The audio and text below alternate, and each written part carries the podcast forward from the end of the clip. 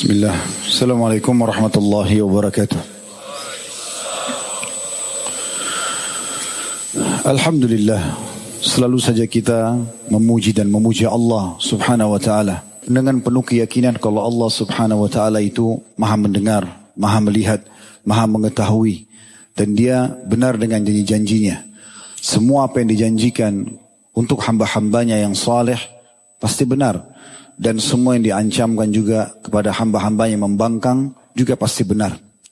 Dan Allah telah menjanjikan kita dengan memuji Allah. Alhamdulillah nikmat yang Allah berikan kepada kita untuk roda kehidupan di muka bumi ini akan dipertahankan bahkan akan dilebihkan.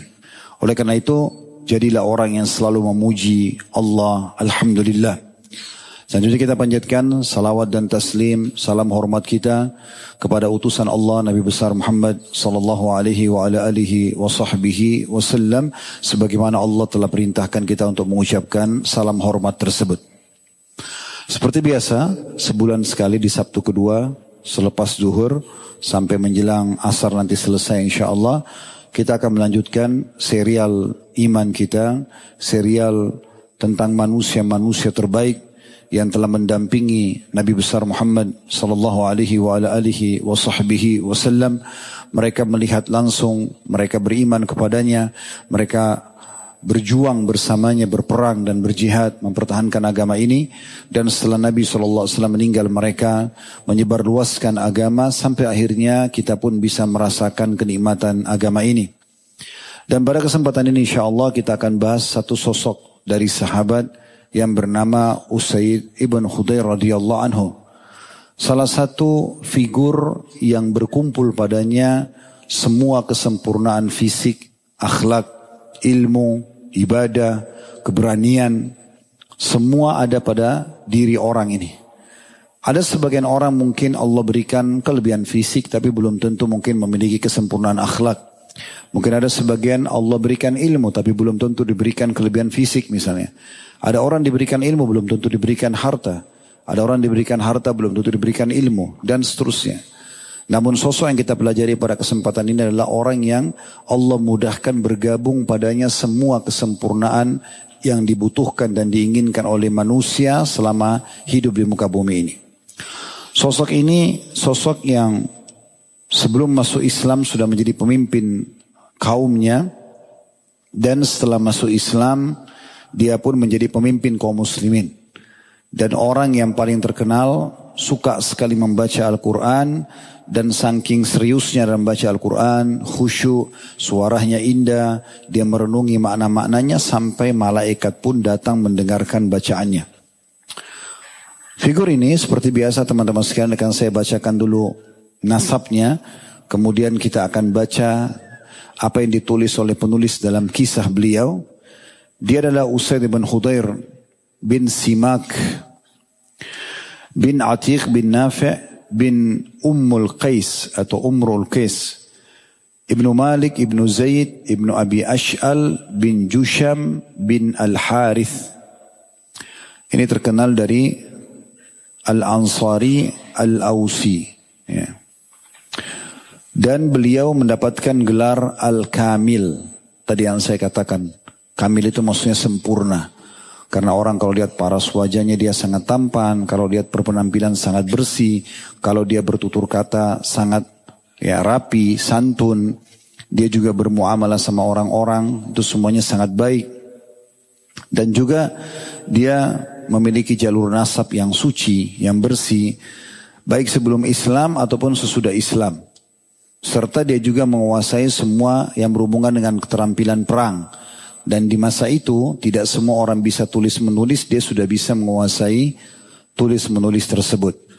Beliau juga memberikan atau mendapatkan juluk julukan Abu Yahya karena anaknya bernama Yahya dan Nabi Wasallam memujinya sambil mengatakan nikmar rajuli Usaid bin Khudair. Sesungguhnya Usaid bin Khudair adalah sebaik-baik laki-laki. Kalau orang Arab mengatakan nikmar rajul itu maknanya Berarti orang ini sempurna semuanya. Layak jadi pasangan hidup, suami, layak jadi anak yang berbakti, layak menjadi orang tua yang dipatuhi, layak menjadi sahabat, tetangga, partner bisnis, layak semuanya. Itu diistilahkan dengan ni'mar rajul. Dan juga beliau wafat di bulan Syaban di tahun 20 Hijriah dan dikuburkan di Baqi di masa Umar radhiyallahu anhu. Nabi SAW persaudarakan Usaid bin Khudair pada saat Nabi SAW hijrah dengan Zaid bin Haritha. Kalau pernah dengar nama ini kan mulia. Nah, Zaid bin Haritha adalah salah satu kekasih Nabi SAW, anak angkat Nabi. Sampai di fase Mekah dulu sempat diganti namanya menjadi Zaid bin Muhammad. Karena memang ya, dia sangat disayang oleh Nabi SAW dan dijadikan sebagai anak angkat. Dan pada saat ayahnya menemukan Zaid ini ternyata ada di Mekah. Dan diberikan pilihan antara dia pilih ayahnya atau dia pilih Rasulullah SAW. Dia pilih Rasulullah. Maka diubah namanya menjadi Zaid bin Haritha. Eh, Zaid bin, dari Zaid bin Haritha menjadi Zaid bin Muhammad. Dan kembali lagi namanya Zaid bin Haritha setelah Allah subhanahu wa ta'ala menurunkan firmannya Makana Muhammadun aba ahad min rijalikum walaki Rasulullah wa khataman nabiyyin. Muhammad bukanlah ayah seseorang di antara kalian, ya, namun dia adalah penutup para nabi dan rasul. Barulah dikembalikan namanya menjadi Zaid ibn Haritha. Nah, Nabi SAW memilih Usaid ibn Khudar untuk bersaudara secara khusus dengan Zaid ibn Haritha ini. Kemudian juga dia belum hadir di perang Badar karena memang pada saat itu pendapat yang paling kuat karena dia belum Eh, pada saat perang Badar itu masih opsional, masih pilihan, bukan sekahas atau keharusan. Maka dia pun akhirnya tidak hadir, namun di Uhud dia sempat hadir dan dia termasuk orang yang terbanyak memiliki luka, ada 70 luka di tubuhnya dan dia menunjukkan tentang kebenaran dalam mempertahankan agama ini. Dan dia juga termasuk ikut dalam perang pembebasan Baitul Maqdis di masa Umar radhiyallahu anhu. Ibunya bernama An-Nu'man putri An-Nu'man bin Imrul, Imrul Kais. Dan saya coba cari nama istrinya belum saya temukan, tetapi uh, saya temukan nama anaknya adalah Yahya. Kita akan coba bacakan teman-teman sekalian dulu apa yang ditulis oleh penulis tentang pribadi Usaid bin Khudar. Namun sebelumnya, saya mengajak teman-teman sekalian mengikhlaskan niat terutama saya duluan, saya terlebih dahulu sebagai pemateri dan teman-teman yang mendengarkan agar Allah Subhanahu taala berkahi majelis kita. Dan terus saya ingatkan kalau kita sedang berada di taman-taman surga, ini adalah majelis ilmu yang dihadiri oleh para malaikat. Kata Nabi Shallallahu Alaihi Wasallam, Allah memiliki golongan malaikat khusus untuk mencari majelis ilmu. Dan kalau mereka menemukan maka mereka saling panggil satu sama yang lain. Dari majelis itu sampai ke langit mereka memenuhi ya barisan mereka untuk mendengarkan apa yang disampaikan. Dan figur kita ini juga Usaid bin Khudair adalah salah satu figur yang memiliki amalan unggulan. Ada sahabat yang sangat unggul misalnya di jihad, ada yang sangat unggul di sedekah misalnya. Semua ibadah mereka kerjakan, tapi ada yang ada keunggulannya. Usaid ibn Khudair ini punya kelebihan yang luar biasa, suka sekali menghadiri majelis ilmu. Dan beliau sangat menikmati itu. Nah dalam serial sahabat kita ini agak berbeda sedikit dengan kajian-kajian yang biasa kita isi. Karena ini serial yang cukup panjang. Oleh karena itu butuh keikhlasan mendengarkan. Karena ini terbagi dalam beberapa bagian. Kita akan membacakan dulu bagaimana kisah yang ditulis oleh penulis. Kemudian kita baru masuk ke manakib atau keutamaan beliau. Kemudian baru kita masuk ke ad-durus wal ibar atau pelajaran-pelajaran yang bisa diambil. Ini cukup panjang. Biasanya minimal dua jam atau bisa lebih daripada itu. Dan ini butuh keikhlasan supaya kita sama-sama bisa meraih manfaat insya Allah dari apa yang kita sampaikan ini. Kata penulis, Usaid bin Khudair radhiyallahu anhu, ia adalah seorang pemimpin kaum Ansar dalam kurung pada saat Bayat Al-Aqabah. Aqabah sebuah bukit yang agak tinggi di tempat jumrah.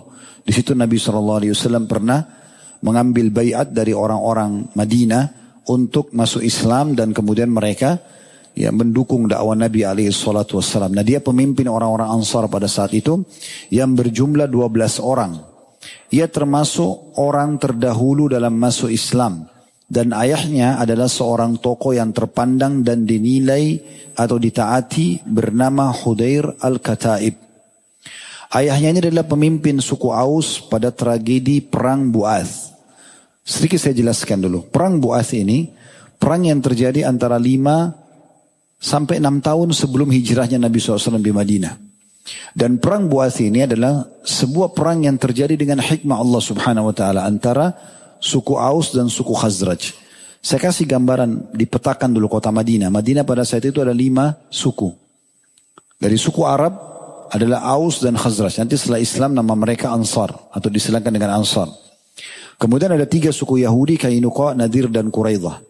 Nah salah satu strategi orang-orang Yahudi bagaimana supaya mereka aman dari sisi ekonomi, dari sisi militer. Mereka suka mengadu domba masyarakat Madinah. Jadi tiga suku Yahudi ini sepakat untuk ada di antara mereka yang menjadi sekutunya Aus, ada yang menjadi sekutunya Khazraj. Mereka mensuplai senjata, mereka mensuplai, mereka memanas-manasi, mereka memberikan dukungan eh, pangan dan segala macam agar selalu berperang. Nah itu terus terjadi, peperangan cukup lama, sekitar 120 tahun. Peperangan terjadi. Dan banyak sekali korban. Tapi puncaknya adalah perang Buas. Nah perang Buas ini dihususkan, dibahas oleh para ulama bahwasanya dia perang yang Allah khususkan untuk menyambut kedatangan Nabi Shallallahu Alaihi Wasallam. Jadi perang Buas ini teman-teman sekalian di, di peperangan itu 5-6 tahun sebelum hijrah Nabi SAW ke Madinah terbunuh mayoritas tokoh-tokoh dari dua suku ini. Aus dan Khazraj. Yang memang mereka yang terbunuh ini rata-rata yang sombong, yang angkuh, ya, yang keras kepala.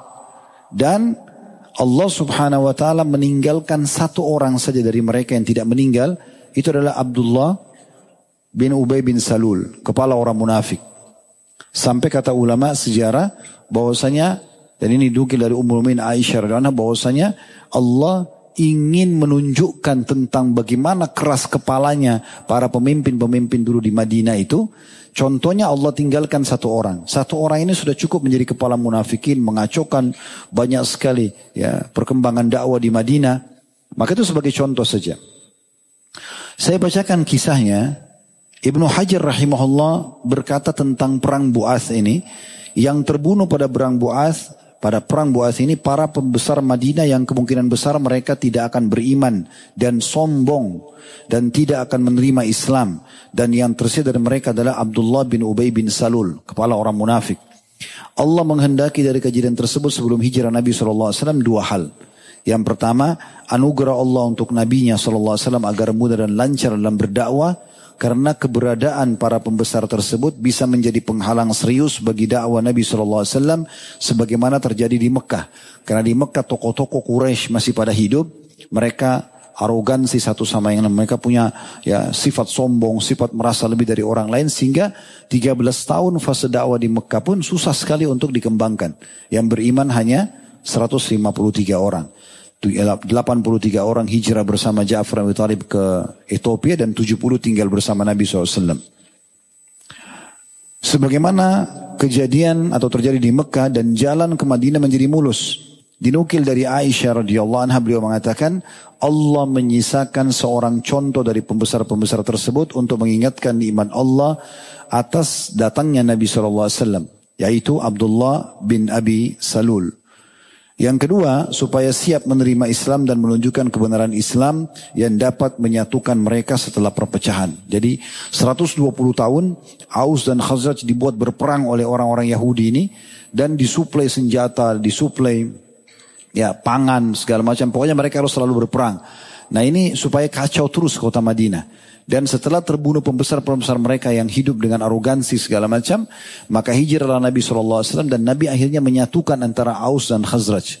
Mereka diselamatkan dari peperangan tersebut, kebencian dengan adanya dalil atau tunggangan yang bernama ukhuwah Islamiyah. Akhirnya mereka saling membantu satu sama yang lain, mereka saling rangkul satu sama yang lain, memaafkan tentang masalah peperangan di masa lalu, dan akhirnya selamatlah mereka dari pertumpahan darah yang sudah berjalan sekian tahun.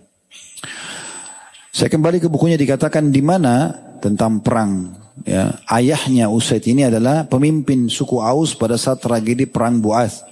Di mana ia terbunuh pada saat itu tepatnya enam tahun sebelum Nabi SAW hijrah ke Madinah.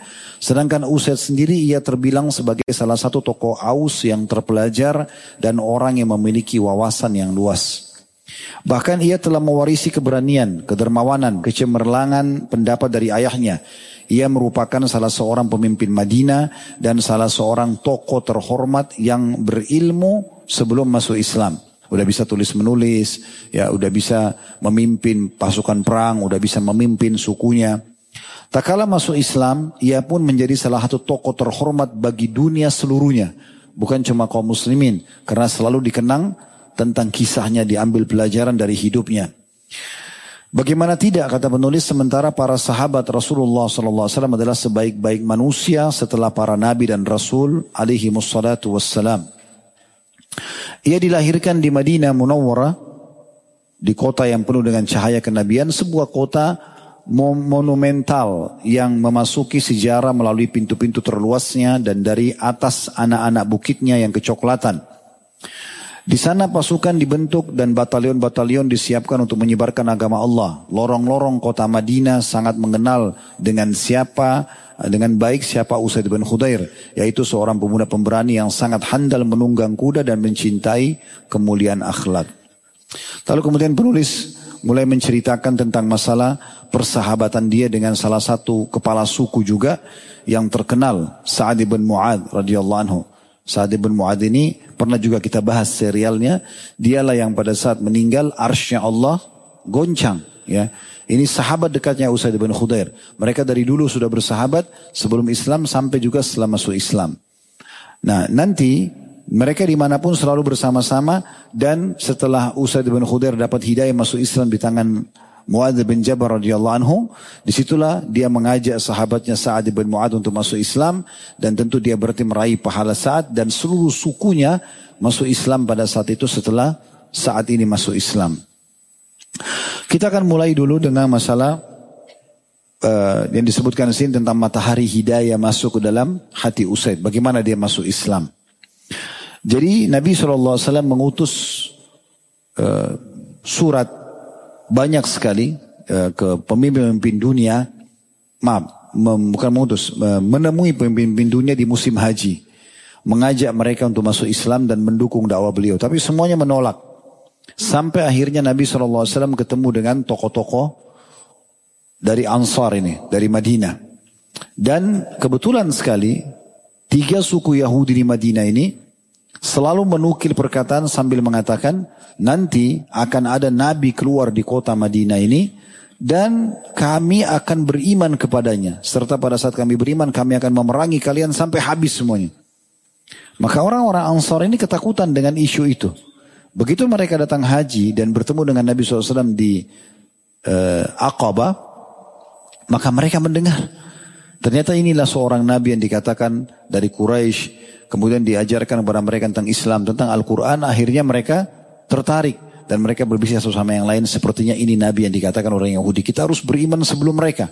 Maka akhirnya berimanlah orang-orang Ansar tadi. Awalnya cuma enam orang di bait Aqabah pertama bait Aqabah kedua jadi dua belas orang. Dan akhirnya Nabi SAW mengutus ke Madinah seorang sahabat yang mulia namanya Mus'ab ibn Umair radhiyallahu anhu.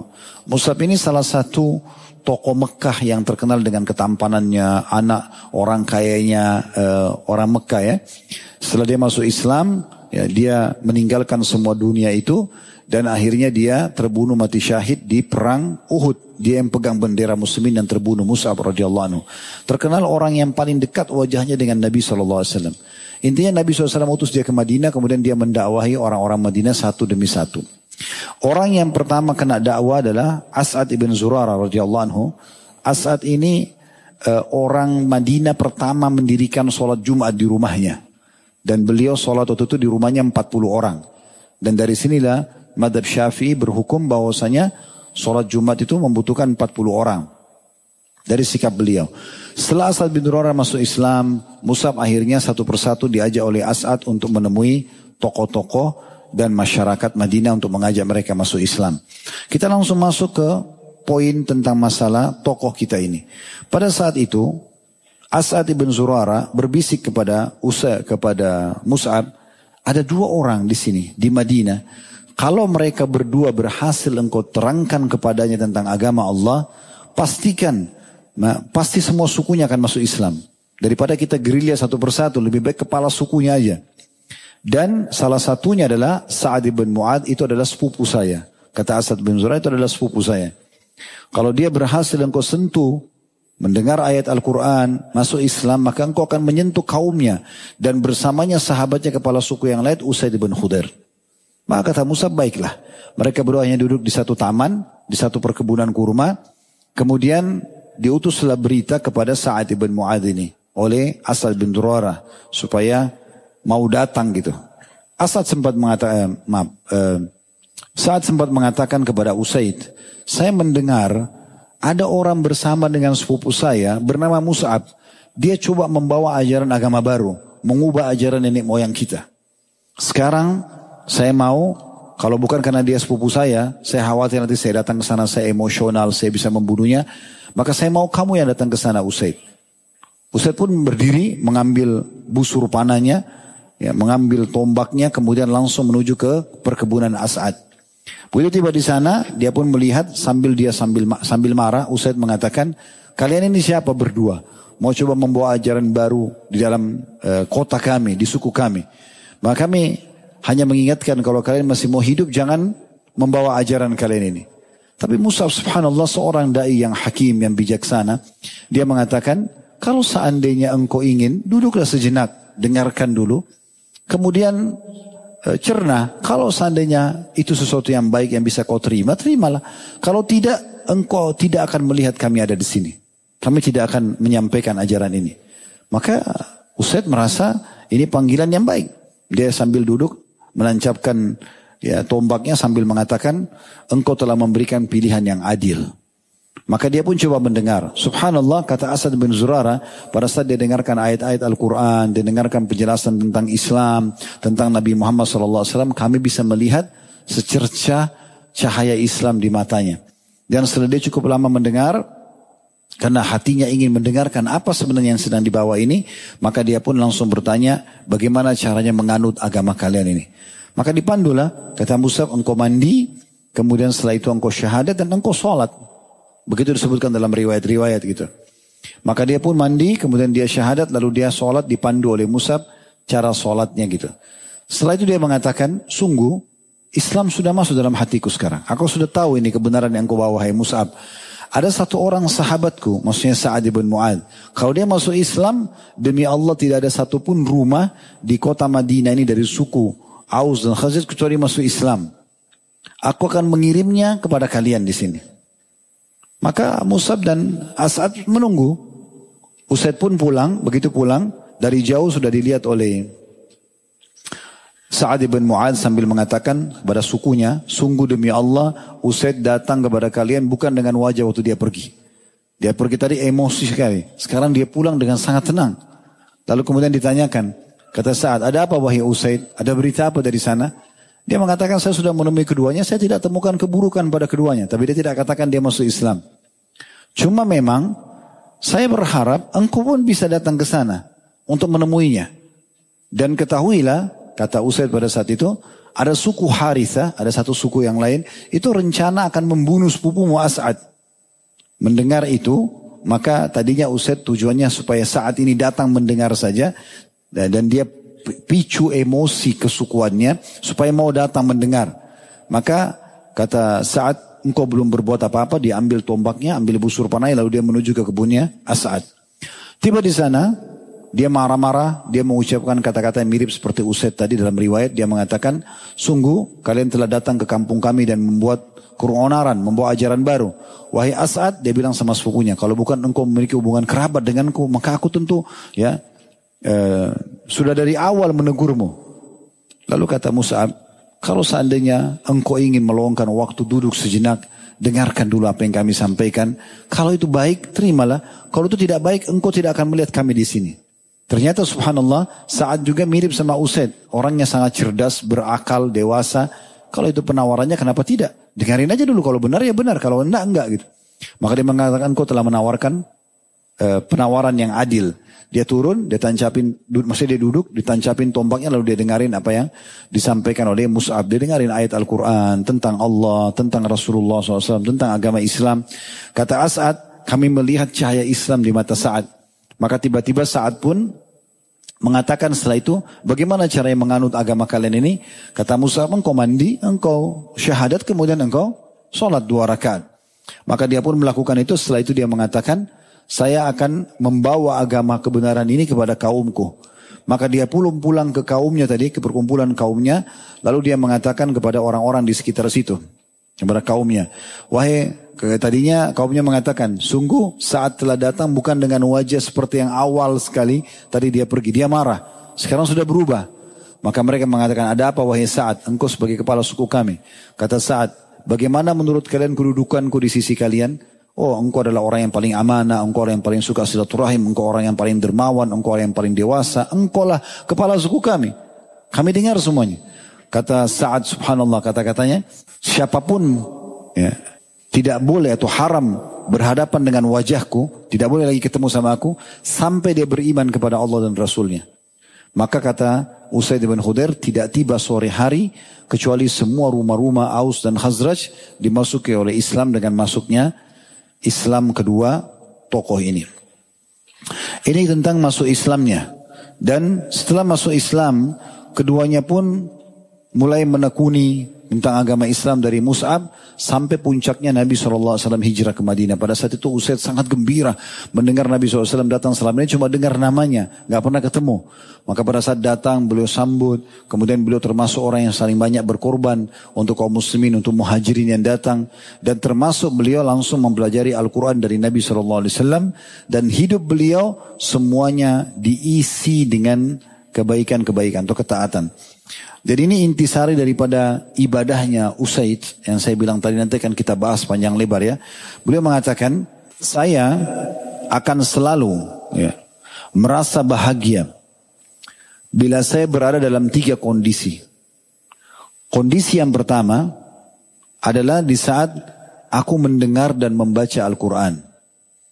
Jadi ini kuncinya pada saat dia masuk Islam, maka dia tekuni sekali Al-Quran, kemudian dia belajari bacaannya dan dia dengar selalu bacaannya dan tidak ada waktu berlalu kecuali dengan membaca Al-Quran. Yang kedua, ketika aku mendengarkan khutbah Rasulullah SAW, maksudnya menghadiri majelis ilmu. Dan yang ketiga adalah pada saat aku mengantarkan jenazah. Pada saat aku mengantarkan jenazah.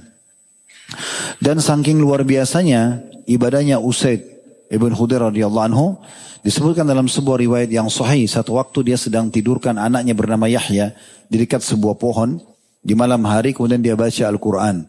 Lalu tiba-tiba ada kudanya di dekat yang diikat di dekat anaknya yang sedang tidurkan di bawah pohon itu merontak. Dia berhenti baca, kuda itu berhenti juga. Kemudian kedua kali dia lanjutin bacaannya, kuda itu berontak lagi. Begitu terus sampai tiga kali. Maka dia pun mengatakan saya mengangkat kepala saya ke langit lalu saya menemukan ada cahaya putih seperti lentera cahaya putih yang sedang naik ke langit. Maka saya pun laporkan kepada Nabi alaihi salatu wassalam. Maka Nabi sallallahu alaihi wasallam mengatakan tilkal malaikatu kanat tastami'u lak. Itu adalah para malaikat yang datang khusus mendengarkan bacaan Muhai Usaid. Walau qara'ta la asbahat yarahan nasu ma tastir ma tastatiru minhum. Kalau seandainya kau terus lanjutkan bacaanmu, maka niscaya karena mereka menikmati sekali bacaan Quran itu para malaikat, maka niscaya penduduk Madinah akan menyaksikan malaikat secara langsung tanpa ada penghalang lagi dari mata mereka. Dan memang ini salah satu ciri eh, para malaikat mereka mendengarkan bacaan-bacaan orang-orang beriman ya. Kalau pernah dengar tentang sholat malam, itu siapa yang bangun di malam hari kemudian dia bersiwak kemudian dia membaca ayat-ayat Al-Quran, maka akan ada malaikat yang menghirup bacaannya itu. Gitu kan? Bagaimana Allah alam? Jadi memang malaikat sangat mengetahui kedudukan Al-Quran. Nabi SAW sendiri memuji beliau sambil mengatakan nikmar rajulu Usaid ibn Hudair. Sesungguhnya sebaik-baik laki-laki adalah Usaid ibn Hudair. Ada sebuah kejadian kecil diangkat oleh penulis juga di sini tentang masalah bagaimana keseharian Usaid. Di antaranya beliau sangat selalu usaha selalu setiap hari ketemu dengan Nabi Shallallahu Alaihi Wasallam. Namun puncaknya beliau ingin sekali menyentuhkan tubuhnya dengan tubuh Nabi SAW. Begitu dinukil. Jadi bukan cuma sekedar salaman. ya Beliau ingin memeluk tubuh Nabi SAW sebagai bentuk kasih sayangnya dengan Nabi SAW. Maka satu waktu lagi kumpul para sahabat Nabi SAW sempat ya, menusuk bagian lambungnya Usaid sambil bercanda. Ya, maksudnya bukan dengan benda tajam ya, tapi dengan tongkat atau dengan tangan beliau Sallallahu Alaihi Wasallam. Maka Usaid menggunakan kesempatan itu sambil mengatakan, Ya Rasulullah Anda telah menyakitiku. Maka kata Nabi Sallallahu Alaihi Wasallam, kalau gitu kisoslah, balaslah. Kata Usaid ya Rasulullah, titik yang anda sentuhkan tadi ke lumbungku, lambungku itu tidak ada bajunya, tidak ada kainnya. Saya juga harus melakukan itu. Maka Nabi SAW menyingkap bajunya dan pada saat Usaid itu langsung boleh memeluk dan mencium tubuh Nabi SAW dan beliau mengatakan demi Allah ya Rasulullah saya tidak ingin kecuali ini. Beliau juga ya punya sikap yang sangat bijaksana pada saat terjadi fitnah ifk kalau masih ingat fitnah ifk itu adalah kisah tentang fitnahnya Abdullah bin bin Abdullah bin Salul tadi ya, pimpinan orang munafik yang menyebarkan isu kalau Aisyah zina dengan Safwan radhiyallahu anhu. Ini semua kedustaan tentunya. Nah, di masa itu perang pulang dari perang Bani Mustalik tersebarlah isu itu. Ada satu kejadian Usaid radhiyallahu anhu, beliau pernah melihat pada saat kejadian di perang dari perang, perang dari Bani, eh, perang dari Bani, uh, perang Bani Mustalik ini, tiba-tiba Nabi SAW menggerakkan pasukan di waktu-waktu istirahat. Biasanya Nabi istirahat tuh di siang hari atau di malam hari, beliau istirahat. Tapi pada saat itu Nabi suruh jalan terus. Kalau yang tidur tidur di atas tunggangannya. Ini ada sesuatu tidak normal nih. Maka Usaid pun datang kepada Nabi SAW mengatakan, Ya Rasulullah, ada apa sebenarnya? Maka Nabi SAW mengatakan, tidakkah engkau dengar apa yang dikatakan oleh temanmu? Kata dia, teman yang mana? Kata Usaid, kata Nabi SAW, Abdullah, ya, bin Ubay bin Salul, ini pimpinan orang munafik. Ya, kata Usaid, apa yang dia katakan ya Rasulullah? Kalau masih ingat kisahnya, ya, saya ingatkan kembali supaya lebih jelas. Waktu pulang dari perang Bani Mustalik, ada budaknya Umar bin Khattab dengan budaknya seorang dari Ansar sempat cekcok di sebuah sumber mata air. Cekcoknya apa nggak tahu. Tapi akhirnya budak Umar teriak mengatakan, wahai muhajirin, tolonglah saya. Maka para muhajirin tiba-tiba hanusin pedang. Karena ini baru pulang dari medan perang. Lalu pembudaknya orang Ansar mengatakan, wahai Ansar tolonglah saya. Maka berdirilah di dua kubu ini, umat Islam hampir berperang. Waktu itu ada satu orang melapor kepada Nabi SAW. Nabi SAW datang dengan cepat dan marah. Wajah beliau memerah sambil mengatakan, apakah ada dakwah jahiliyah? Adakah tiupan-tiupan uh, bahasa jahiliyah seperti ini. Fanatisme, kesukuan, rasis. Sementara saya ada di tengah-tengah kalian, tinggalkan. Ini adalah ini bisa membinasakan kalian. Maka redamlah pada saat itu. Nah, Abdullah, kepala munafik ini menunggangi keadaan. Dia menunggangi keadaan sambil dia mengatakan, ya, dia mengatakan, kumpulin sukunya, sungguh Kalianlah telah membuat mereka seperti itu. Maksudnya kenapa orang-orang muhajir berani benar mau ajak kita berperang. Gitu ya. Kalian yang memberikan tempat-tempat tinggal kalian, kalian memberikan harta kalian, kalian menerima mereka di negeri kalian. Coba kalian tidak melakukan itu. Pasti mereka tidak akan macam-macam dengan kita. Nanti kalau kita pulang ke Madinah, pasti orang-orang yang mulia, maksudnya orang-orang penduduk asli Madinah mengusir para pendatang. Dan Abdullah ini bin Abi Salul ini bermaksud Rasulullah SAW. Dia ingin penduduk Madinah mengusirnya, gitu ya. Dan kalau Nabi SAW diusir, berarti semua muhajirin juga akan diusir. Rupanya perkataan ini sempat didengar oleh seorang sahabat yang lain. Dan sahabat ini masih muda pada saat itu. Dia dengarkan, kemudian dia lapor kepada Nabi SAW. Pada saat dilaporkan, ya, ini bernama Zaid orang ini ya, masih muda, masih 16-17 tahun. Dia lapor kepada Nabi SAW, ya Rasulullah, Abdullah bin Abi Sulul itu cerita begini ya Rasulullah. Ini kalau pulang dari perang ini mereka mau usir anda dan semua muslimin yang datang hijrah dari Mekah. Maka Nabi SAW suruh gerak pasukan pada saat itu. Sudah bergerak kalau gitu. Nah di situlah Usaid mendatangi Nabi SAW lalu menanyakan. Lalu kata Nabi SAW, apakah kau tidak dengar apa yang dikatakan oleh sahabatmu? Ya. Abdullah bin Abi bin Ubay bin Salul. Kata dia apa yang dikatakan ya Rasulullah? Katanya kalau tiba di Madinah nanti orang-orang mulia masa penduduk Madinah akan mengusir para pendatang. Maka kata Usaid dengan jelas mengatakan ya Rasulullah sesungguhnya dialah yang akan terusir. Dia yang terhina. Dan kami siap untuk menolong atau mendukung anda. Maka pada saat itu Usaid membisikkan satu kata kepada Nabi SAW mengatakan ya Rasulullah bernama lembutlah dengan dia. Demi Allah sebelum anda datang mahkota raja sudah akan diletakkan di kepalanya oleh kaumnya. Aus dan Khazraj ini hampir memilih dia sebagai raja. Begitu anda datang batal. Maka itu membuat dia jengkel, dia susah untuk menerimanya. Maka pada saat itu akhirnya Nabi SAW menerima saran Usaid dan tidak meributkan permasalahan ini kepada Abdullah ini. Ini salah satu kebijakan yang beliau lakukan. Kemudian penulis juga mengangkat tentang sikap bijaksananya. Ini sebagai penutup dalam buku kita ini. Itu tentang bagaimana peristiwa bayatnya Abu Bakar.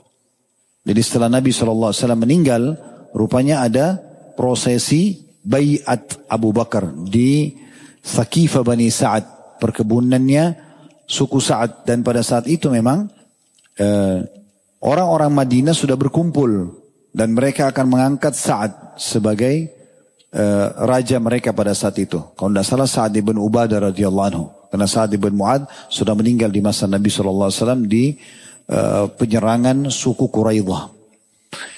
Maka pada saat itu pun terjadilah orang-orang Madinah mau memilih uh, Sa'ad ibn Ubadah sebagai pemimpin mereka. Lalu Abu Bakar sama Umar datang dan Abu Bakar mengatakan, wahai Sa'ad, engkau sebenarnya sudah pernah mendengar dan engkau hadir pada saat itu. Di mana Nabi SAW bersabda, bahwasanya urusan pemerintahan ini kepemimpinan dipimpin oleh Quraisy. Maka saat dengan bijaksana mengatakan benar, engkau benar apa yang kau ucapkan ini. Betul. Gitu kan? Oleh karena itu kata Abu Bakar, saya memilih untuk kalian Umar. Ditunjuklah Umar bin Khattab karena lagi ada sama dia. Orang ini orang yang paling baik dan dia dari Quraisy. Maka Abu Bakar pun, uh, Umar pun mengatakan tidak. Siapa di antara kalian yang mau merasa lebih baik daripada Abu Bakar?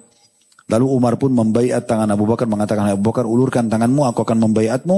Lalu kemudian orang berubah-ubah termasuk Usaid bin Khudair radhiyallahu anhu adalah orang yang pertama-tama menunjukkan kalau dia kepala suku dia siap membaiat Abu Bakar sehingga terjadilah pada saat itu baiat yang sempurna pemimpin pengganti Nabi alaihi salatu wassalam.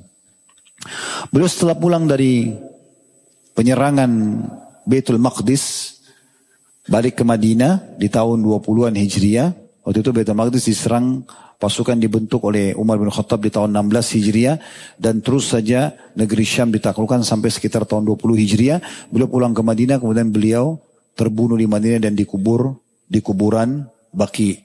Kuburan Baki. Nah ini gambaran umumnya yang sudah ditulis oleh penulis tentang kisah Usaid bin Khudair radhiyallahu anhu. Kita akan masuk insya Allah ke manakibnya atau keutamaan Usaid itu sendiri. Yang pertama beliau termasuk orang-orang yang masuk Islam di masa-masa awal, di fase awal Islam, ya tepatnya di masa ya, kota sebelum hijrah Nabi SAW ke Madinah.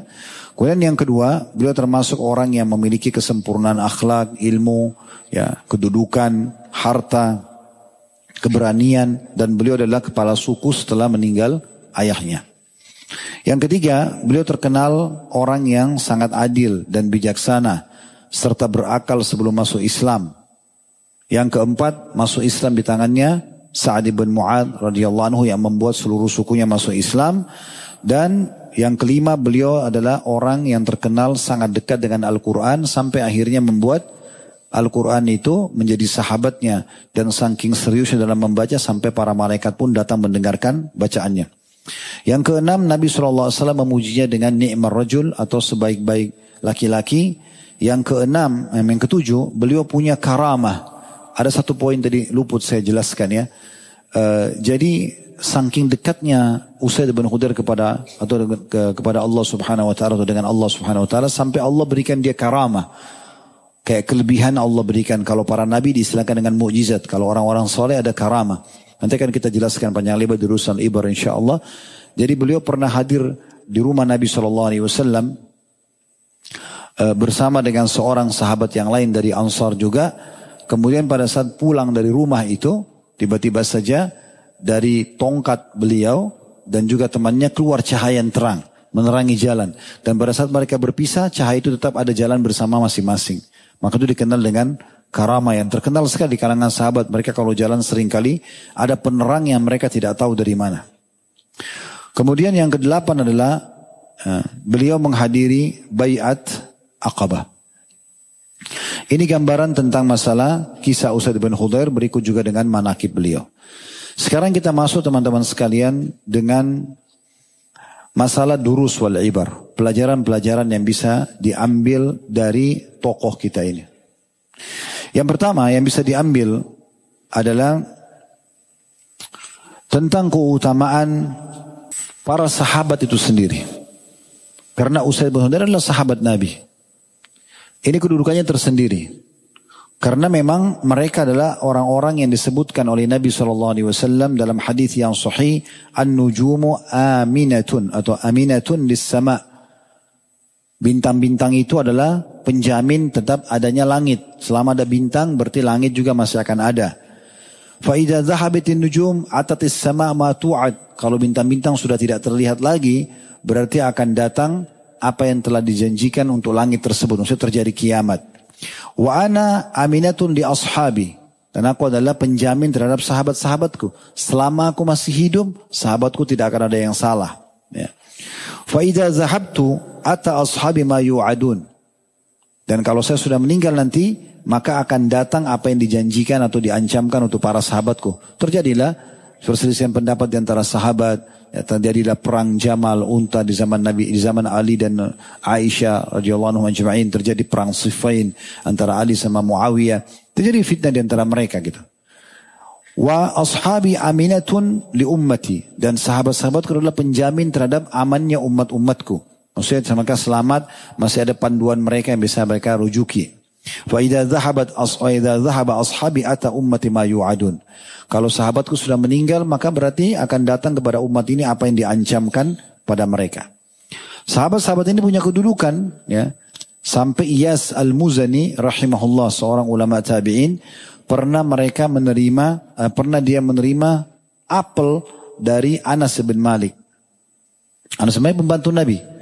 Iyas Al-Muzani seorang ulama tabi'in yang masyhur dengan kecerdasannya, dia menjadi hakim di masa uh, kerajaan di masa itu.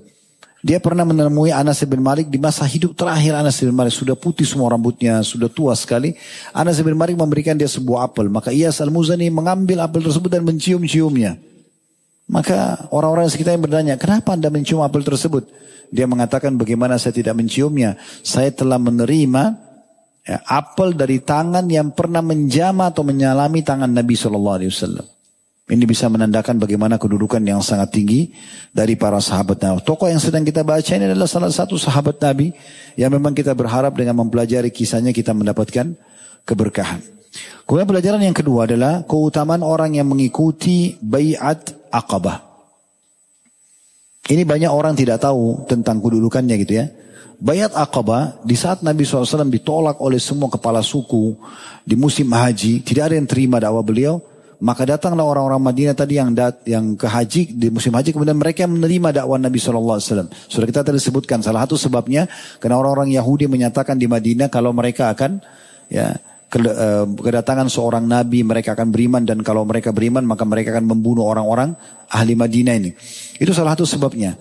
Tapi subhanallah ulama sejarah mengatakan banyak orang tidak tahu kedudukan bayat akabah karena dengan adanya bayat akabah berisikan janji-janji dan kesepakatan setia ya antara Nabi SAW dengan orang-orang Ansar dan di situlah bermula ya semua perkembangan Islam dari bayat akabah itu. Ya. Terjadinya perang Badar, terjadinya perang Uhud, terjadinya pembebasan kota Mekah dan tersebarnya Islam semua bermula daripada Bayat Aqabah. Karena sebelumnya tidak ada yang menerima Islam. Sampai datang Bayat Aqabah ini barulah kemudian mereka sepakat. Bayatnya itu isinya kata Nabi SAW begini kepada orang-orang Ansar setelah mereka yakin ini Nabi, mereka syahadat, kata Nabi ta'alau bayi'uni ala sami' wa ta'ah. Sekarang saya minta pada kalian janji setia untuk selalu patuh dan mendengarkan apa yang aku sampaikan. Fin nasyati wal kasal. Pada saat kalian lagi semangat atau kalian lagi malas. Wan nafaqatu fil usri wal yusr.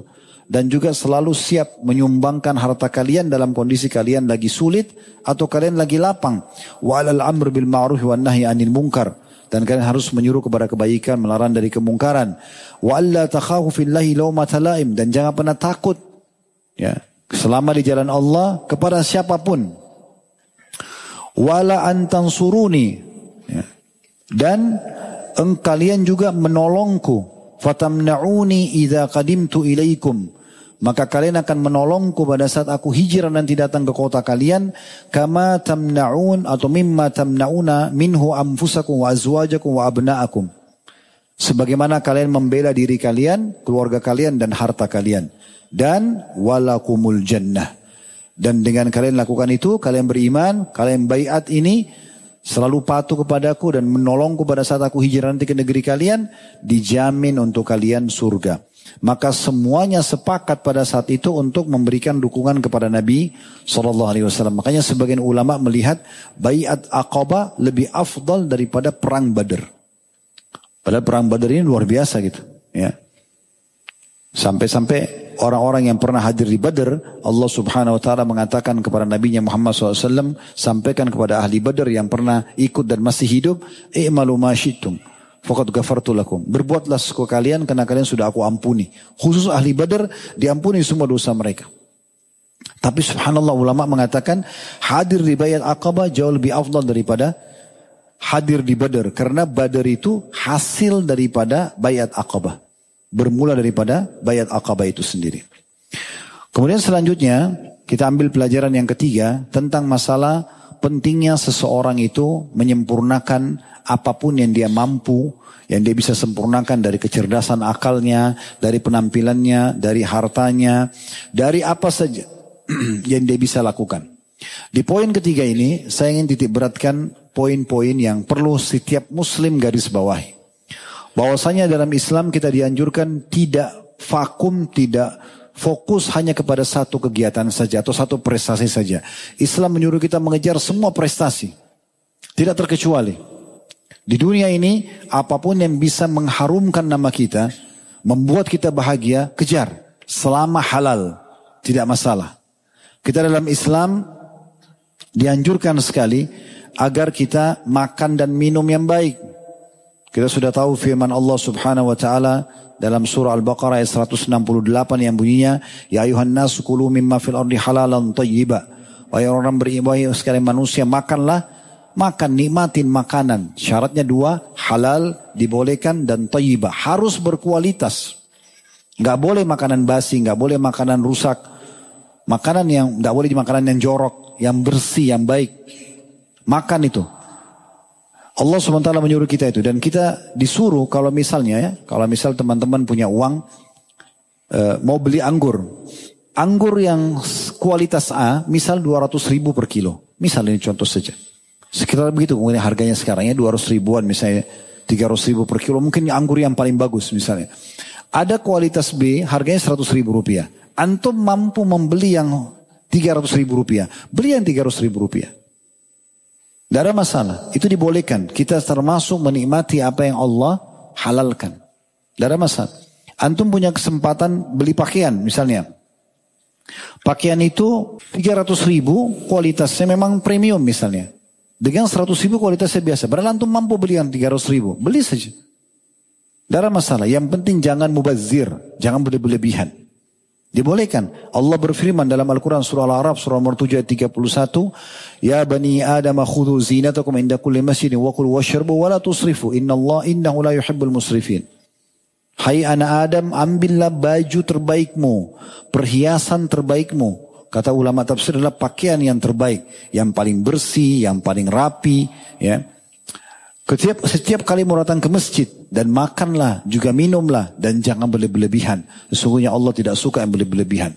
Jadi dalam Islam tidak boleh kita punya kemampuan tapi kita tidak tunjukkan itu. Yang penting jangan sombong, jangan mubazir. Tapi boleh kita nikmati makanan terbaik, pakaian terbaik. Ya, semua yang masuk dalam masalah ini ya. Misalnya pasangan hidup, saya mau menikah dengan seseorang yang begini misalnya. Tapi kalau memang masalah agama. Cuman saya mau sempurnakan agama itu misalnya dengan orang yang cantik, orang yang gagah, orang yang berpendidikan. Itu normal saja. Begitu juga kita hidup di satu lingkungan. Kita mampu sebenarnya beli rumah di satu komplek, aman, nyaman, ya terhormat. Tapi kita sengaja nggak tinggal di situ karena kita nggak mau mau hemat uang. Padahal sebenarnya mampu. Nggak, pilih yang ini. Selama kita bisa. Nanti kita jelaskan dalilnya. Ya. Kemudian tunggangan yang nyaman. Mobil, motor, Selama kita mampu beli yang terbaik, beli yang terbaik. Itu tidak mubazir. Tapi ingat ya, sebatas kebutuhan. Ini bukan hobi, bukan karena koleksi enggak. Kalau koleksi jangan. Mubazir nanti. Tapi kalau antum butuh, beli motor yang terbaik. Motor itu bagus, saya mau beli ya. Mampu beli. Mobil misalnya, rumah misalnya, pasangan hidup misalnya. Semua itu boleh. Dengarkan dalilnya. Kata Nabi SAW, Arba'un minas sa'adah. Ada empat hal termasuk sumber kebahagiaan setiap orang. Beliau mengatakan almar'atu salihah istri yang baik, yang sempurna, solehah, beragama, punya kelebihan.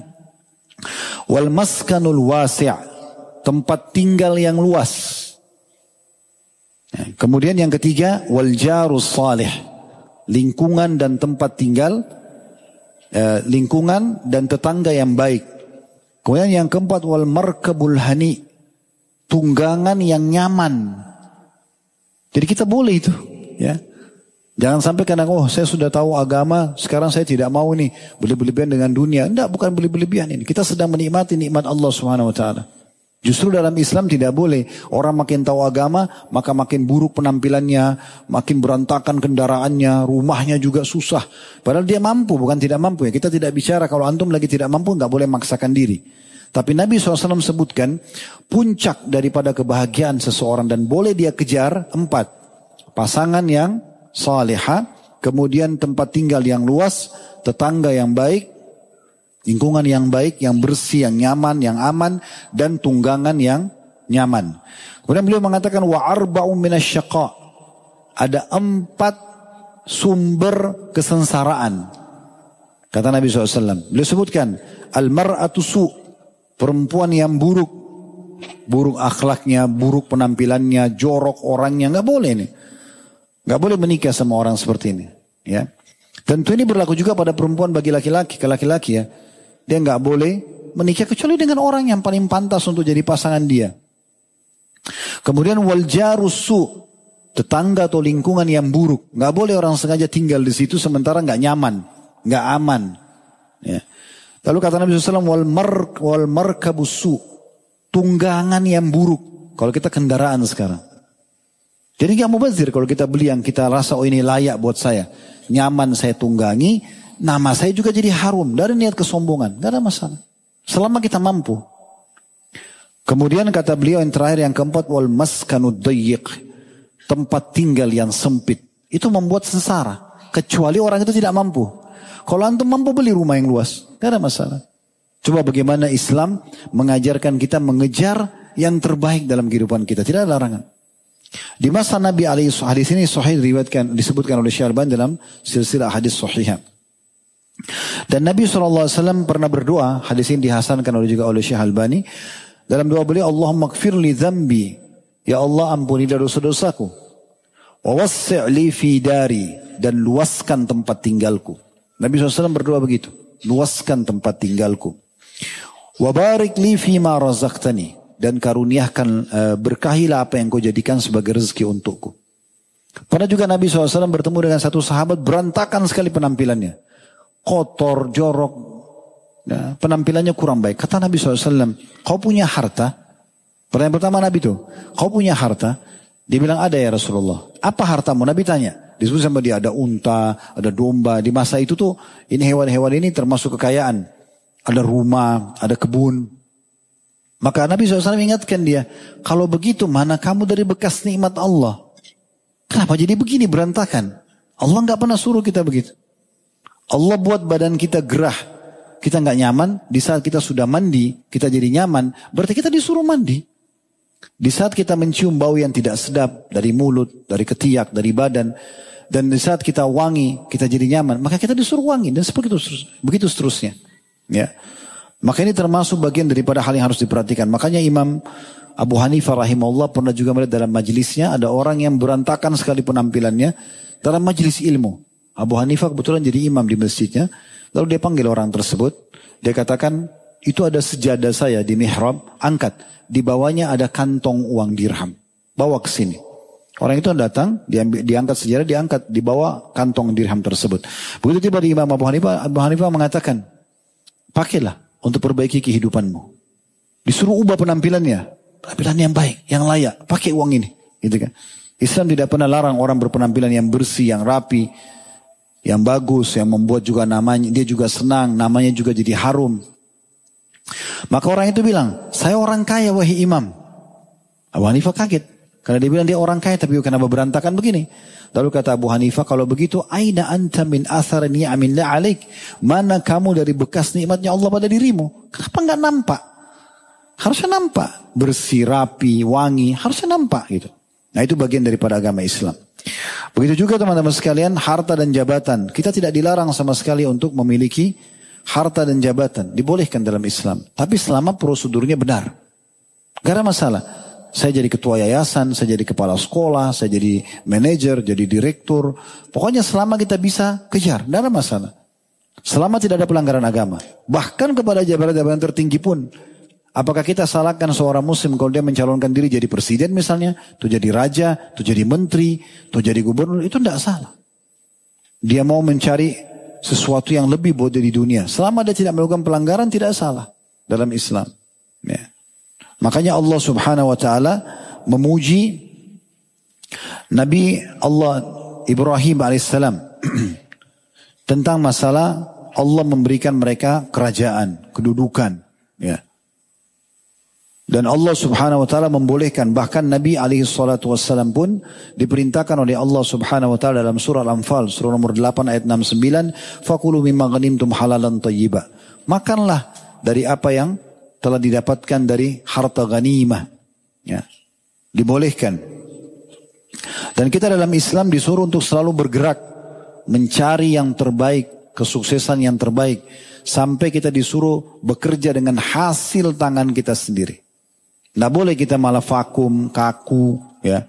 Malas, ini semua tidak boleh. Sampai kata Nabi SAW, Ma'akala ahadun to'aman qattun khairun min an ya'kula min amal yadi.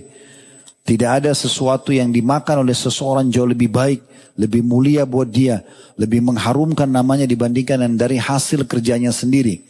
Wa inna Nabi Allah Dawud kana ya'kul min amal yadi. Ketahuilah Nabi Allah Daud dulu makan dari hasil tangannya sendiri riwayat Bukhari. Kemudian kata Nabi SAW riwayat Bukhari yang lain, lain yahtatiba ahadukum ala zahri. Seseorang yang antara kalian memikul ranting-ranting pohon yang diambil dari gunung, dipikul di pundaknya khairum min an yas'ala ahadan fayu'tiyahu aw yamna'ah. Lebih baik daripada dia minta-minta sama orang dikasih atau tidak dikasih. Di dalam hadis yang lain juga kata Nabi SAW masih riwayat Bukhari, lain ya'khudha ahadukum abhulah. Seseorang antara kalian sengaja mengambil potongan-potongan tali kecil, dipotong-potong untuk mengikat Sumayatil jabal. Kemudian dia mendatangi gunung. Fayatiya bihusbati min hatab. Dia bawa ranting-ranting kayu-kayu bakar ala zahri di atas punanya fayabi'ha. Kemudian dia menjualnya. Fayakufullah biha wajha. Maka Allah selamatkan wajahnya ya pada saat itu dari mengemis khairun lahu min yas'alan nas a'tauhu aw mana'u. Lebih baik daripada dia minta-minta sama orang dikasih atau tidak. Ini kalau ada yang tanya Ustaz, relevansinya sama bahasan Ustaz apa? Ustaz kepala suku. Ustaz setiap hari menjaga penampilan pakaiannya. Ustaz memiliki kuda yang terbaik. Ya, dia juga selalu menjaga nama harumnya ya, nama baiknya. Itu semua yang kita sedang singgung di sini.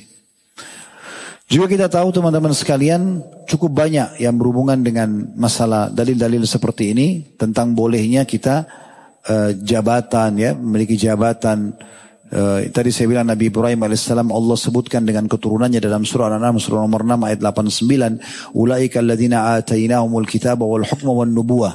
Setelah menyebutkan tentang Ibrahim alaihissalam anaknya Ishak dan Ismail Yakub turun temurun Yusuf dan seterusnya kata Allah mereka adalah orang-orang yang telah kami berikan kepada mereka kitab kemudian kepemimpinan atau jabatan hukum ya dan juga nubuah kenabian Umar bin Khattab radhiyallahu anhu, beliau pernah ya mengatakan dalam satu statement yang menarik, beliau bilang begini, saya pernah melihat ada orang tampan bersih, saya kagum dengan itu. Tapi begitu saya tanya, ada pekerjaan nggak? Dikatakan dia pengangguran maka jatuh di mataku. Jadi harus kita satukan ya, bukan cuma penampilan tapi juga pendapatan, ilmu pengetahuan, apalah ya yang kita bisa meningkatkan skill kita. Begitu juga kalau pernah dengar Umar bin Abdul Aziz rahimahullah. Ini Umar bin Abdul Aziz ini uh, perlu saya kasih gambaran. Beliau memimpin tahun 99 sampai 101 Hijriah. Dua tahun jadi raja. Tapi waktu itu beliau berada di salah satu himpitan raja-raja Umayyah. Kerajaan Umayyah ini dinasti pertama dalam Islam yang dibangun oleh Muawiyah bin Abi Sufyan radhiyallahu anhu dari tahun 40 sampai 132 Hijriah. Ini Kerajaan ini teman-teman sekalian turun temurun. Ayah setelah meninggal nanti anaknya jadi raja. Begitu terus. Ya. Atau kalau tidak turun ke saudaranya. Maka ini sudah, satu hierarkinya seperti itu. Subhanallah Umar bin Abdul Aziz rahimahullah dalam dinukil dalam tentang kisah beliau, beliau mengatakan begini. Saya ini punya tumuh, punya tumuh itu punya keinginan besar untuk selalu meraih yang terbaik. Maka dia mohon kepada Allah agar dia diangkat menjadi gubernur kota Madinah. Dan Allah kabulkan. Nah waktu dia jadi gubernur kota Madinah, ada satu orang miskin datang lalu mengatakan begini. Wahai Amir, Amir kayak pemimpin, gubernur ya. Dulu anda sering bantu saya sebelum jadi gubernur. Sekarang anda sudah gubernur bisa bantu saya enggak? Kata beliau tentu saja. Ambillah ini. Dan beliau mengatakan, ketahuilah saya ini punya tumuh, punya semangat yang besar untuk selalu mencari kedudukan yang terbaik. Bagaimana saya bisa mencapai tinggi kedudukan yang tinggi yang memang itu tidak salah dalam agama tapi bisa mendapatkan banyak lebih banyak pahala. Dan saya berharap Allah memudahkan saya untuk menjadi khalifah, menjadi raja. Secara jalur keturunan nggak bisa Umar bin Aziz jadi raja waktu itu. Mustahil gitu. Karena memang raja-raja ini sudah ada alurnya sendiri. Dia dari keluarga Umayyah tapi jauh. Tapi subhanallah dia terus semangat, dia terus berdoa kepada Allah subhanahu wa ta'ala. Sebelum Sulaiman bin Abdul Malik rahimahullah meninggal, harusnya yang jadi raja adiknya. Tapi Sulaiman ini tiba-tiba di saat sakit keras dia mengajak bicara penasihatnya namanya Raja Ibn Haywa. Dia mengatakan, wahai Raja, saya ini khawatir penerus saya ini nggak bisa lanjutin kerajaan. Gak bisa mempertahankan kaum muslimin, wilayah kaum muslimin. Ada nggak saran nama-nama yang bisa kamu tunjuk sebagai kandidat pengganti saya? Kata raja, wahai Amir Mukminin, ada. Tapi bukan jadi jalur yang harus dapat raja. Kata Sulaiman, siapa itu? Kata dia, Umar bin Abdul Aziz. Ini orang jauh banget ini, tidak bisa sampai jadi raja gitu. Tapi karena dia berdoa sama Allah, dia punya semangat besar untuk meraih jabatan tersebut, maka Allah mudahkan. Kata Sulaiman, benar apa yang kau ucapkan. Ditulis wasiat pada saya kalau saya meninggal, maka yang jadi khalifah adalah Umar bin Abdul Aziz dan Allah berikan. Ini kan masalah jabatan gitu kan. Tapi yang penting benar, jangan sikut sana sini, jangan jatuhin orang. Enggak, kita tunjukkan kualitas kita. Jadi enggak boleh kita salahkan kalau ada di antara muslimin yang memang mengejar itu. Selama dia tidak salah. Itu dalam urusan dunia. Jadi dalam masalah tempat tinggal, masalah pasangan hidup, masalah tunggangan, masalah jabatan dan segala macam itu ya. Juga dalam Islam dibolehkan kita memiliki harta sebanyak apa pun selama halal. Tidak ada larangan. Dalam hal ibadah juga kita dianjurkan untuk selalu mencari yang paling afdol. Supaya selalu cari. Ada dalam dalam bab ibadah itu kan ada ibadah, terus ada yang lebih afdolnya lagi. Gitu kan? Salat misalnya amal waktu lebih afdal dibandingkan setelahnya. Kan beda. Nah seperti itu. Kita disuruh cari yang afdal. Dan Allah SWT menyuruh kita bersaing positif dalam ibadah. Kalau antum melihat ada teman antum ini sangat bagus ibadahnya, saingi dia. Tapi bukan niat untuk ria. Memang untuk supaya kita sama dengan dia atau lebih bagus dari dia. Allah berfirman dalam Al-Quran. Dalam surah Al-Baqarah 180, 148. Surah nomor 2 ayat 148. Fastabikul khairat. Berlumba-lumba dalam kebaikan. Bersaing positiflah di situ. Dan Allah juga mengingatkan dalam surah Al-Mutaffifun. Ya. Uh, di ayat 26-nya. Wa fi dzalika falyatanafasil mutanafisun. Dalam hal ibadah dan meraih derajat-derajat tinggi di surga, di situlah kalian harus bersaing. Bersaing satu sama yang lain. Kalau teman-teman kita selalu di saf awal, kita di saf kedua. Sekarang kita harus ubah. Saf pertama, harus begitu, mencari yang terbaik. Dan sekian banyak dalil tentang berhubungan dengan masalah ini, di mana dikatakan Nabi SAW adalah orang yang terbaik, orang yang paling eh, orang yang terbaik akhlaknya, orang yang paling ajwadun nas, orang yang paling dermawan. Masih ingat kisah waktu Umar berkata di perang Tabuk dalam riwayat Bukhari dia mengatakan waktu Nabi SAW utus utusannya keliling Madinah lalu berkata, ayo siapa yang mau ikut berperang fisik ke Tabuk siapkan diri kalian dan siapa yang menyumbang harta datang ke, ke masjid Rasulullah SAW bawa harta terbaik kalian. Umar langsung bilang, hari ini saya akan saingi Abu Bakar. Kan saingan dalam ibadah kan? Abu Bakar suka sedekah, tapi selama ini Umar merasa tidak pernah menyalah, mengalahkan Abu Bakar. Dia bilang hari ini saya akan kalahkan Abu Bakar. Positif, bukan niat untuk ria, tapi dia ingin menyaingi Abu Bakar dari sisi ibadahnya. Maka dia bawa setengah hartanya di hadapan Nabi SAW. Nabi tanya, apa yang kau tinggalkan buat keluargamu? Seperti ini ya Rasulullah. Sama, ini yang saya bawa setengahnya ada di rumah. Dalam Abu Bakar datang, lalu Abu Bakar memberikan hartanya, lalu kata Nabi SAW, apa yang kau tinggalkan buat keluargamu? Dia bilang Allah dan Rasulnya.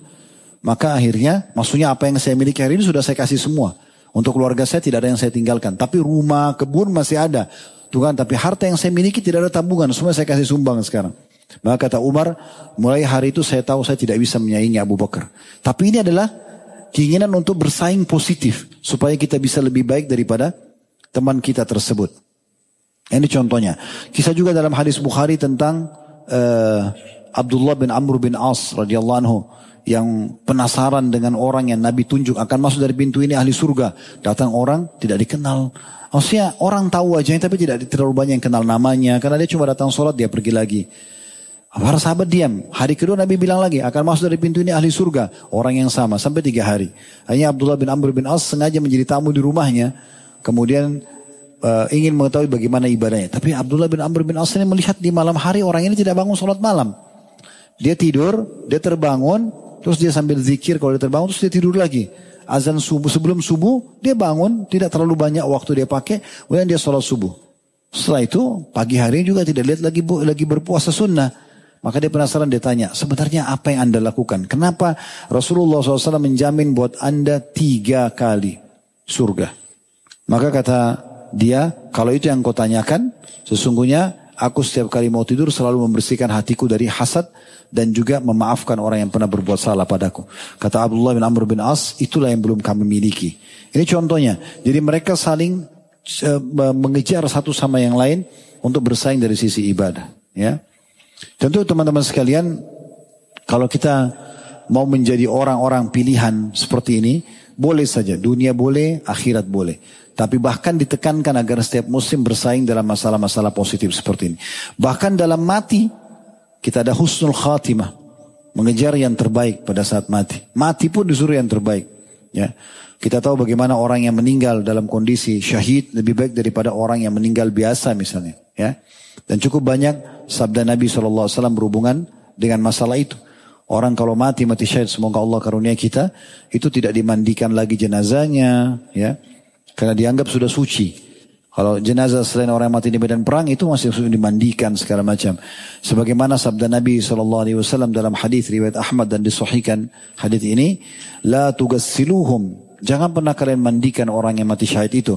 Fa inna kullu jurhin au kullu damin. Karena semua luka atau semua darahnya yafuju miskan yaumul qiyamah. Karena akan mengeluarkan bau yang wangi pada hari kiamat. Dalam hadis yang lain riwayat Bukhari kata Nabi SAW, idfunuhum fi dima'ihim kubur mereka dengan darah-darah mereka. Punya kelebihan khusus gitu. Boleh tidak disolati. Jenazah yang dikumpulkan di perang Uhud, umumnya tidak Nabi solati, disuruh kuburin saja. Yang disolati cuma Hamzah. Artinya mereka boleh disolati, boleh tidak. Tapi kalau orang biasa disolatin. Untuk didoakan. Tidak akan ditanya lagi. Ya, di kuburannya sebagaimana sebagian sahabat mengatakan ya Rasulullah kenapa orang-orang mukmin umumnya dikena fitnah pertanyaan malaikat di kuburan kecuali orang mati syahid kata Nabi SAW cukuplah kilatan pedang yang ada menyambar di atas kepalanya menjadi fitnah buat dia gak ada lagi pertanyaan malaikat. Jadi sudah pasti lolos masuk surga gitu kan? Itu luar biasa. Kemudian juga dalam hadis yang lain dikatakan untuk syahid itu ada enam hal yang langsung didapatkan. Diampuni dosanya pada saat pertama jatuh darahnya, ya. Kemudian dia akan diperlihatkan tempatnya di surga, kemudian akan diselamatkan dari siksa kubur, diamankan dari kekagetan, kerancu, keributan ataupun ke, bencana yang besar di hari kiamat nanti di mahsyar. Kemudian juga akan ditaruh, ditaruh di atas kepalanya sebuah mahkota yang satu yakutnya, satu perhiasannya itu lebih baik daripada dunia seluruh isinya. Dinikahkan dengan 72 bidadari atau 70 dia dua bidadari. Kemudian dia bisa memberikan syafaat 70 keluarganya. Nah kalau orang tidak bisa mati syahid dalam kondisi di medan perang, maka dia jangan luput dengan mati-mati syahid yang lain. Karena kata Nabi SAW, Matu aduna asyahid minkum. Siapa saja orang mati syahid di antara kalian. Menurut kalian apa siapa saja mereka. Kata para sahabat, Ya Rasulullah man kutila fisabilillah fahuwa syahid. Orang yang terbunuh di medan perang itu yang mati syahid. Kata Nabi SAW, Qala inna syuhada ummati idhan laqalil. Kalau begitu sedikit sekali orang mati syahid dari umatku. Qala faman hum ya Rasulullah? Para sahabat bertanya, siapa saja mereka ya Rasulullah? Selain terbunuh medan perang, ada lagi yang mati syahid? Kata Nabi SAW, iya. Di antaranya kata Nabi SAW, وَمَنْ كُتِلَ فِي سَبِيلَهِ فَهُوَ syahid. Siapa yang terbunuh di jalan Allah maka dia syahid. Oman mata fi sabilillah fahuwa syahid. Siapa yang mati sementara lagi di jalan Allah. Kalau yang pertama tadi terbunuh. Dia keluar medan perang terbunuh. Kalau yang kedua momen mata visabilillah kayak orang lagi keluar menuntut ilmu begini, orang lagi pergi haji dan umrah, orang lagi silaturahim keluarga terus meninggal, datang aja di tengah jalan, itu juga mati syahid. Kemudian waman mata fit tauni fahuwa syahid. Siapa yang meninggal karena kena taun, wabah. Asalnya wabah pes, tapi fatwa ulama di corona kemarin semua wabah yang menyebar, kalau orang mati termasuk mati syahid. Yang kelima waman mata atau yang keempat waman mata fil batni fahuwa syahid. Siapa yang meninggal karena penyakit perut apa saja syahid. Wal ghariku syahid dan orang yang tenggelam juga mati syahid. Hadis ini riwayat Muslim. Dalam riwayat lain kata Nabi SAW, Asyhadatu sab'un siwal qatl fi sabilillah. Mati syahid itu ada tujuh selain mati di medan perang. Al-mat'unu syahid, orang yang kena wabah mati syahid. Wal ghariku syahid, orang yang tenggelam adalah mati syahid. Wa sahibul jambi syahid, orang yang meninggal kena kena penyakit lambung, apa pun sifatnya, lambungnya yang bermasalah, syahid. Wal mabtunu syahid, orang yang kena penyakit perut syahid. Wa sahibul hariq syahid, orang yang kebakaran, juga mati syahid. Walladhi yamutu tahtal habni syahid. Orang yang kena runtuhan bangunan juga mati syahid. Wal mar'atu tamutu bijum'in syahid. Dan perempuan yang meninggal lagi melahirkan dia juga mati syahid. Hadis riwayat Abu Daud. Cuma ulama merincikan perbedaan dasar antara orang yang mati syahid di medan perang dengan orang yang mati syahid tadi yang sudah kita sebutkan. Kalau yang selain mati di medan perang tetap harus dimandikan. Tetap harus dikafani. Tetap disolati. Gitu kan. Dan keutamaan-keutamaan tadi yang masalah orang dinikahkan dengan 70 bidadari memberikan syafaat 70 keluarganya ini kemungkinan khusus bagi orang yang mati di medan perang. Begitu juga dengan di mahsyar kita disuruh menjadi orang yang terpilih ya supaya kita masuk dalam naungan Allah di bawah tidak ada naungan kecuali naungan Allah Subhanahu wa taala. Begitu juga melewati sirat. Sirat itu lebih tipis dari rambut, lebih tajam dari pedang. Dan licin sekali. Jaraknya jauh sekali. Membentangkan di atas neraka, di sana surga. Kita melewatin sirat, semua kita pasti melewatin. Dalam surah Qaf kata Allah Subhanahu wa taala, "Ma illa wariduha." Tidak ada seorang pun dari kalian kecuali pasti melewatin ya sirat itu.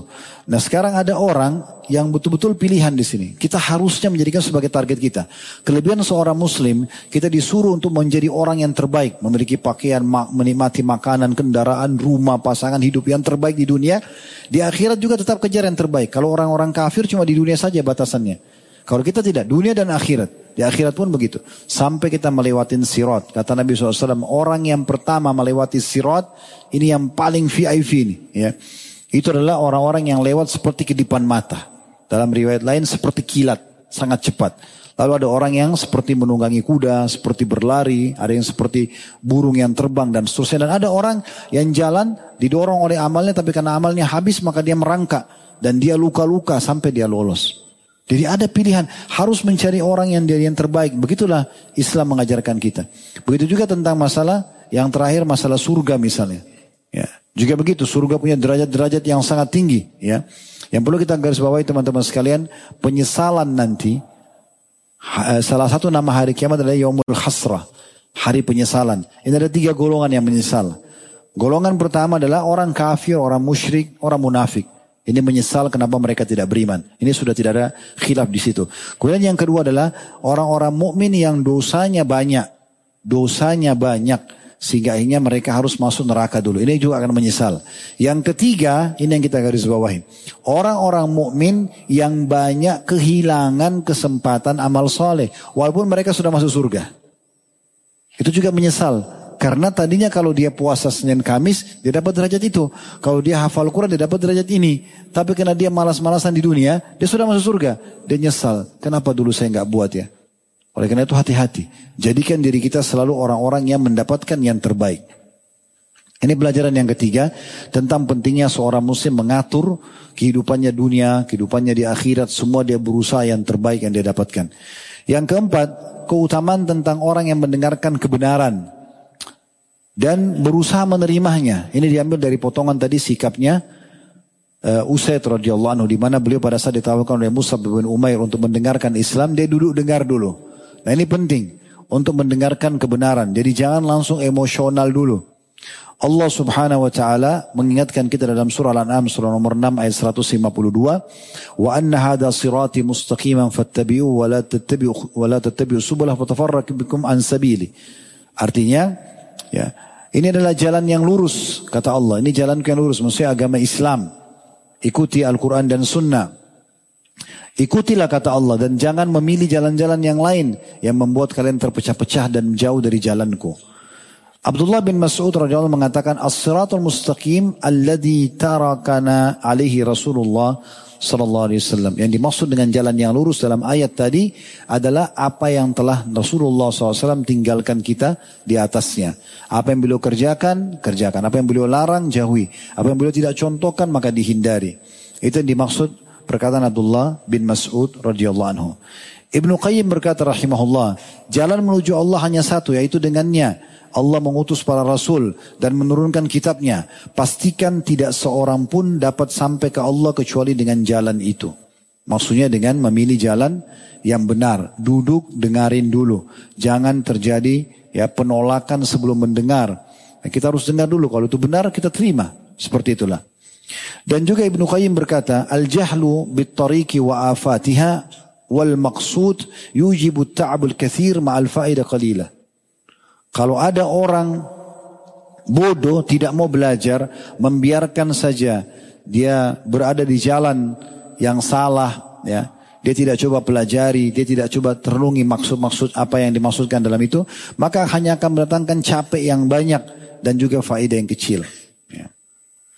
Oleh karena itu semua kebenaran dan kebaikan sudah seharusnya didengar, dicerna, ya. Kemudian setelah itu diambil faedahnya. Karena ini memang bagian daripada yang diperintahkan oleh Nabi alaihi wassalam. Beliau bersabda dalam hadis yang sahih, "Al-mu'minul qawi khairu wa habilallah minal mu'minul dhaif." Orang mukmin yang kuat ya jauh lebih baik dan lebih Allah cintai dibandingkan orang mukmin yang lemah. Wa fi kullin khair dan semua punya kebaikan. Ahris ala ma yanfa'uk. Jaga selalu apa yang bermanfaat untukmu. Wasta'in billah wa la ta'jaz. Selalu berlindung kepada Allah dan jangan pernah putus asa.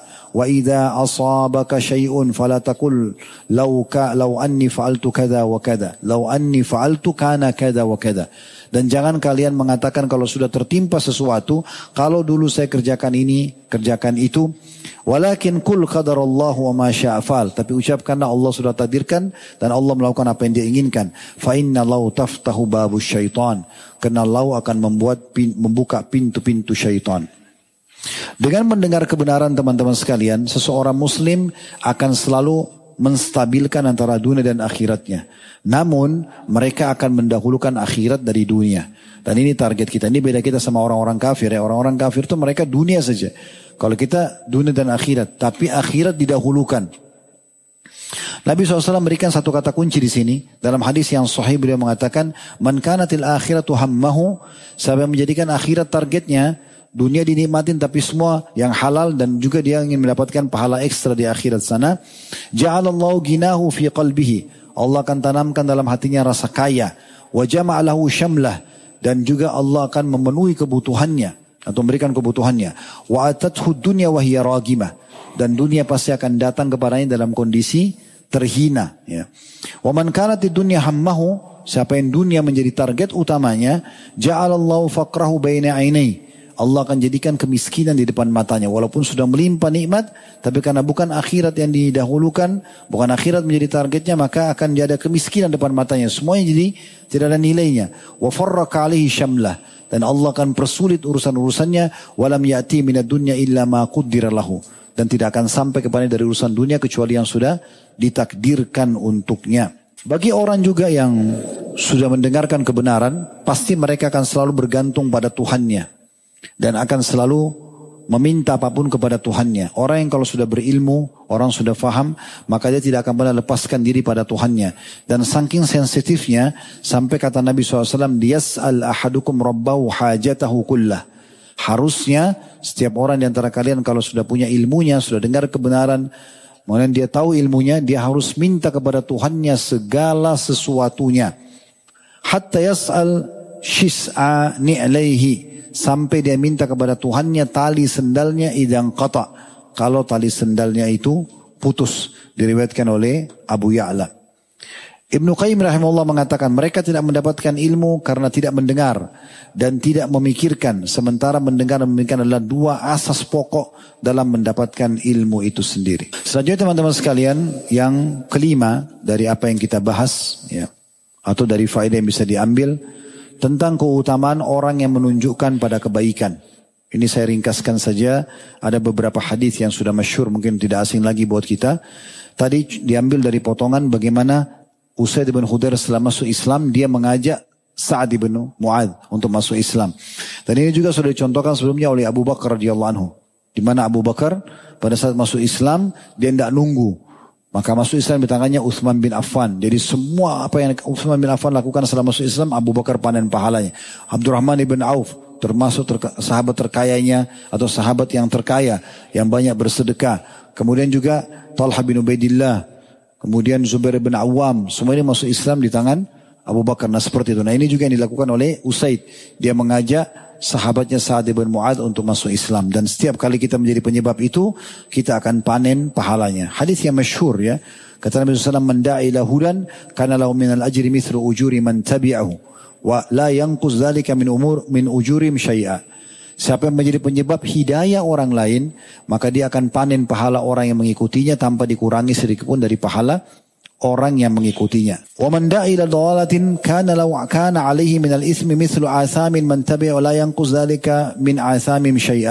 Dan siapa yang menjadi contoh dalam berbuat dosa, maka dipastikan dia akan panen dosa dia dan dosa orang-orang yang mengikutinya. Hadis sahih diriwayatkan oleh Imam Muslim.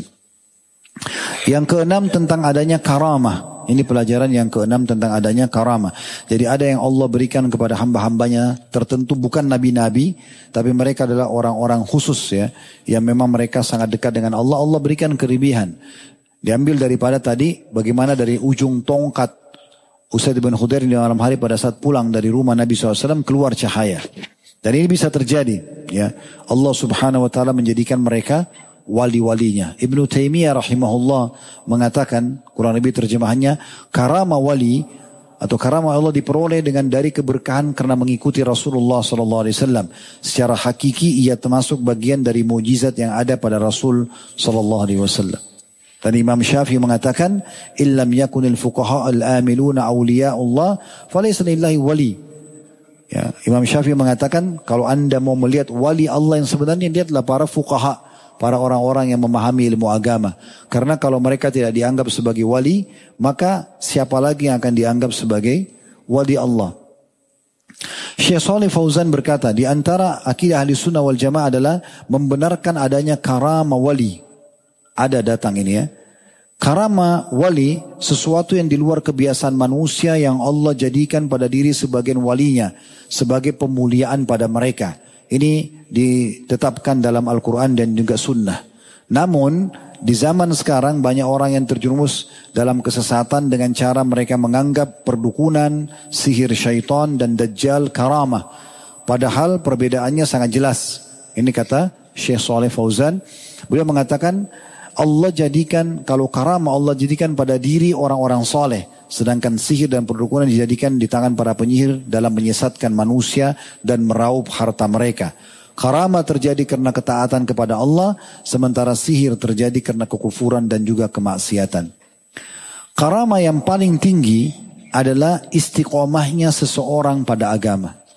Jadi kalau kita teman-teman sekalian terfikir untuk selalu istiqomah menjaga perintah Allah SWT meninggalkan larangannya.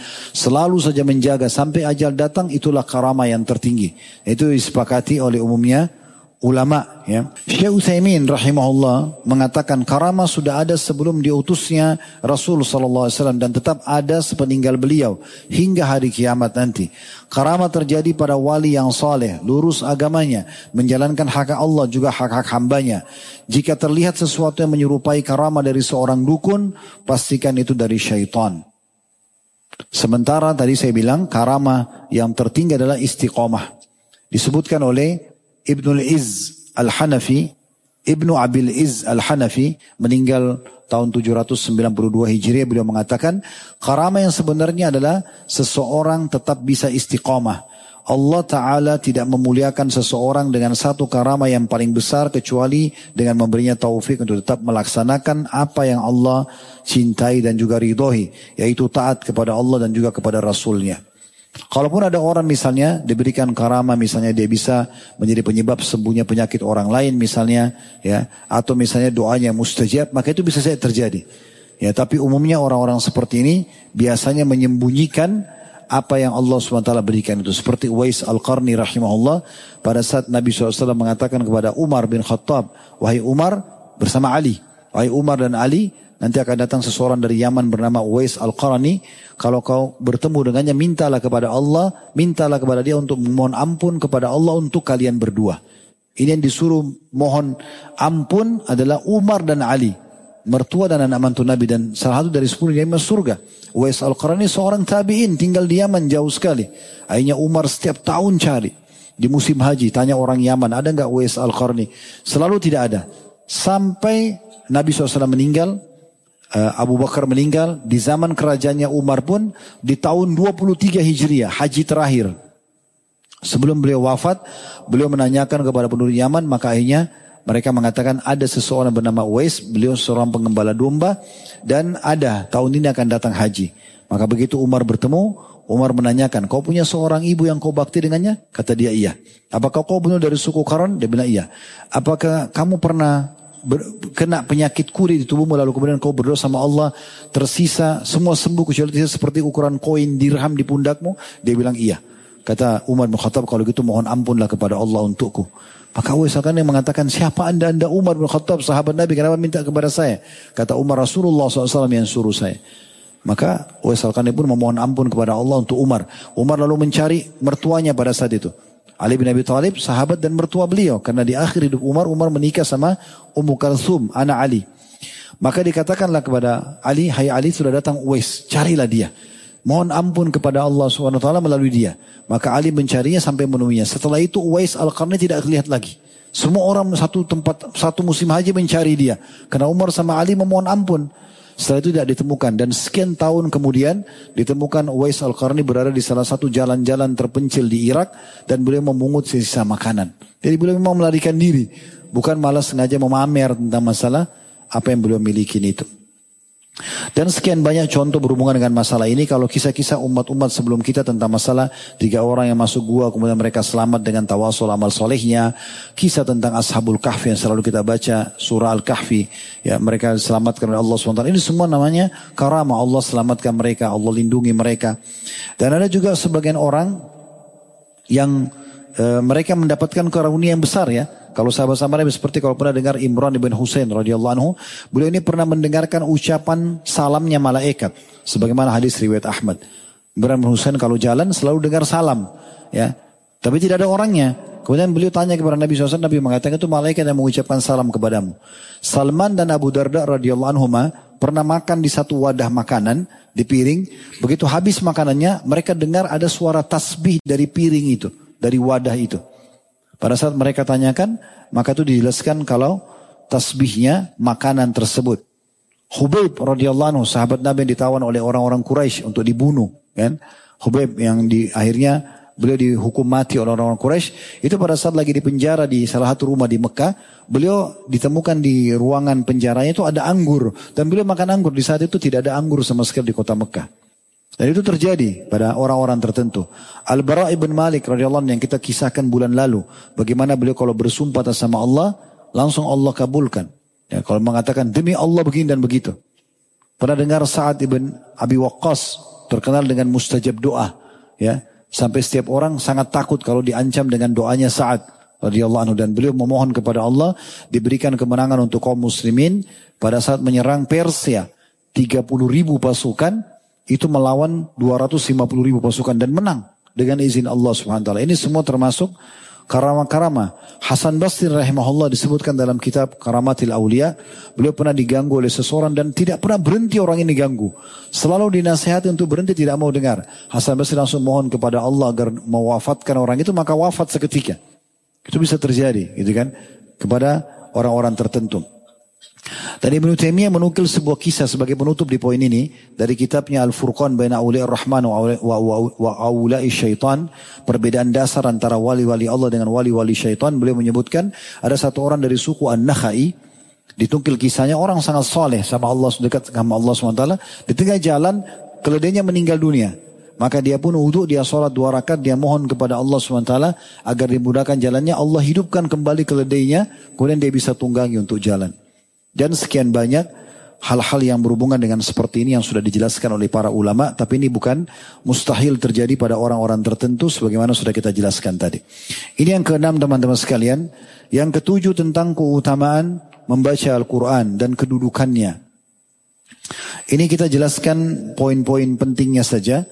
Al-Quran kita perlu tahu dia bukanlah tulisan seorang profesor, bukanlah juga ya tulisan seorang penulis novel yang terkenal bestseller bukan. Ini kalamullah. Ini perkataan Allah subhanahu wa ta'ala.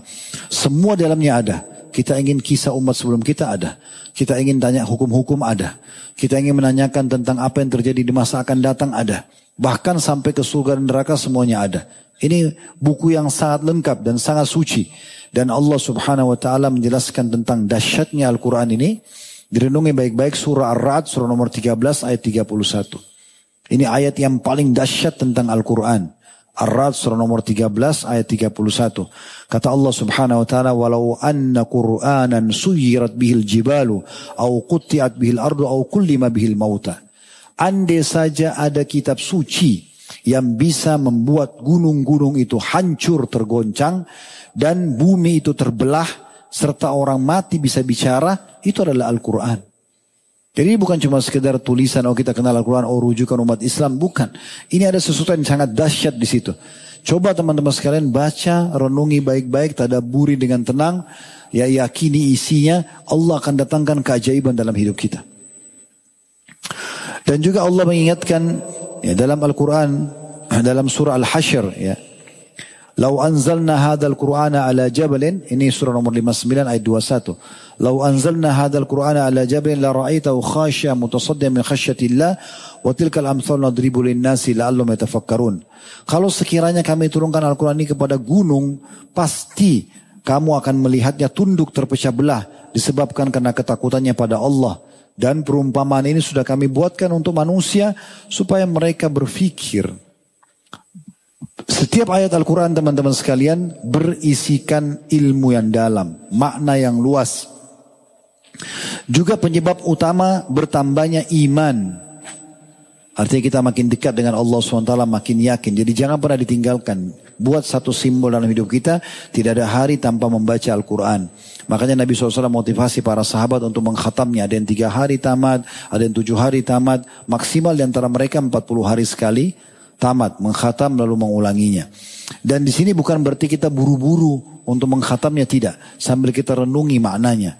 Saya akan nukilkan beberapa kisah ya dari salafus saleh di mana mereka pada saat baca Al-Quran mereka betul-betul merenungi maknanya. Mereka ingin mengambil ya ilmu yang dalam dalam Al-Quran itu. Ibnu Qayyim rahimahullah mengatakan tidak ada sesuatu yang paling bermanfaat bagi hati bila dibandingkan dengan membaca Al-Quran disertai dengan tadabbur dan tafakkur, merenungi dan memahami, memikirkan maknanya. Hal inilah yang memunculkan rasa cinta, rindu, optimisme, keinginan untuk taubat, tawakal kepada Allah, ridho terhadap keputusan Allah, berserah diri kepada Allah, sabar dalam setiap ujian, dan semua yang membuat hati seseorang menjadi hidup dengan sempurna. Itu Al-Quran. Itu juga bisa mencegah seseorang dari semua sifat buruk dan perbuatan yang tercelah yang menyebabkan hati mereka menjadi rusak dan binasa. Sekiranya umat manusia mengetahui keutamaan yang terdapat dalam Al-Quran yang disertai dengan tadabbur, merenungi makna-makna ayatnya, tentu mereka akan menyibukkan diri dengannya dan meninggalkan semua aktivitas selain membaca Al-Quran. Apabila yang membaca Al-Quran dengan tadabbur, lalu yang mendapati satu ayat yang ia butuhkan untuk mengobati hatinya, dia akan mengulanginya meskipun sampai seratus kali. Ini kata Ibnu Qayyim rahimahullah. Bacaan disertai dengan perenungan jauh lebih utama dibandingkan menghatamnya tanpa perenungan dan pemahaman. Semua itu akan lebih bermanfaat bagi hati dan menghantar pada iman serta meraih manisnya Al-Quran. Dinukil dari kitab Miftah Darus Sa'adah jadi satu halaman 535. Abi Jumrah Ad-Dabai rahimahullah berkata, aku pernah berkata, aku pernah berkata kepada Ibnu Abbas radhiyallahu anhu, aku ini orang yang terbiasa baca Quran dengan cepat. Aku ini terbiasa membaca dengan cepat. Boleh nggak aku baca Al-Quran dengan cara cepat? Kata Abdullah bin Abbas, demi Allah, aku membaca surah Al-Baqarah dengan tartil, dengan tenang, merenungi maknanya, sambil merenungi maknanya, lebih aku sukai daripada membacanya dengan cepat. Dinukil dari kitab Fadail Al-Quran. Nabi SAW membaca dengan sangat tenang. Bila lewat ayat-ayat tentang surga dan rahmat, beliau mohon. Bila lewat tentang siksa dan neraka, beliau berlindung kepadanya. Abi Dhar Radhiyallahu mengatakan Nabi SAW pernah bangun sholat malam dan membaca satu ayat sampai pagi. Jadi pernah Nabi SAW bangun sholat malam, dari malam sampai pagi cuma baca satu ayat saja. Dan beliau mengulang-ulangi ayat ini. Surah Al-Ma'idah surah nomor 5 ayat 118. In tu'adzibhum fa innahum ibaduk. Wa in takfir lahum fa innaka antal azizul hakim. Artinya, jika engkau menyiksa mereka maka sungguhnya mereka adalah hamba-hambamu. Dan jika engkau mengampuni mereka sungguhnya engkau maha perkasa lagi maha bijaksana. Maksudnya ayat ini sebenarnya turun tentang Nabi Isa alaihissalam. Nanti di hari kiamat Allah akan panggil Nabi Isa dan menanyakan di depan umatnya. Apakah kau yang suruh untuk menyembah dirimu dan ibumu selain aku? Kata Nabi Isa alaihissalam saya tidak pernah mengajarkan itu ya Allah. Pada saat saya masih hidup saya coba mengajarkan mereka yang benar. Pada saat saya meninggal engkau lebih tahu. Ringkasnya Nabi Isa AS mengatakan, kalau seandainya kau menyiksa mereka, Allah mereka adalah hamba-hambamu. Dan kalau kau ampuni, sungguhnya engkau maha pengampun. Maka Nabi SAW waktu dia dengar ayat ini, beliau ulangi terus. Beliau ulangi dan beliau membayangkan bagaimana nanti hari kiamat supaya beliau bisa menyelamatkan umatnya dari siksa Allah subhanahu wa ta'ala.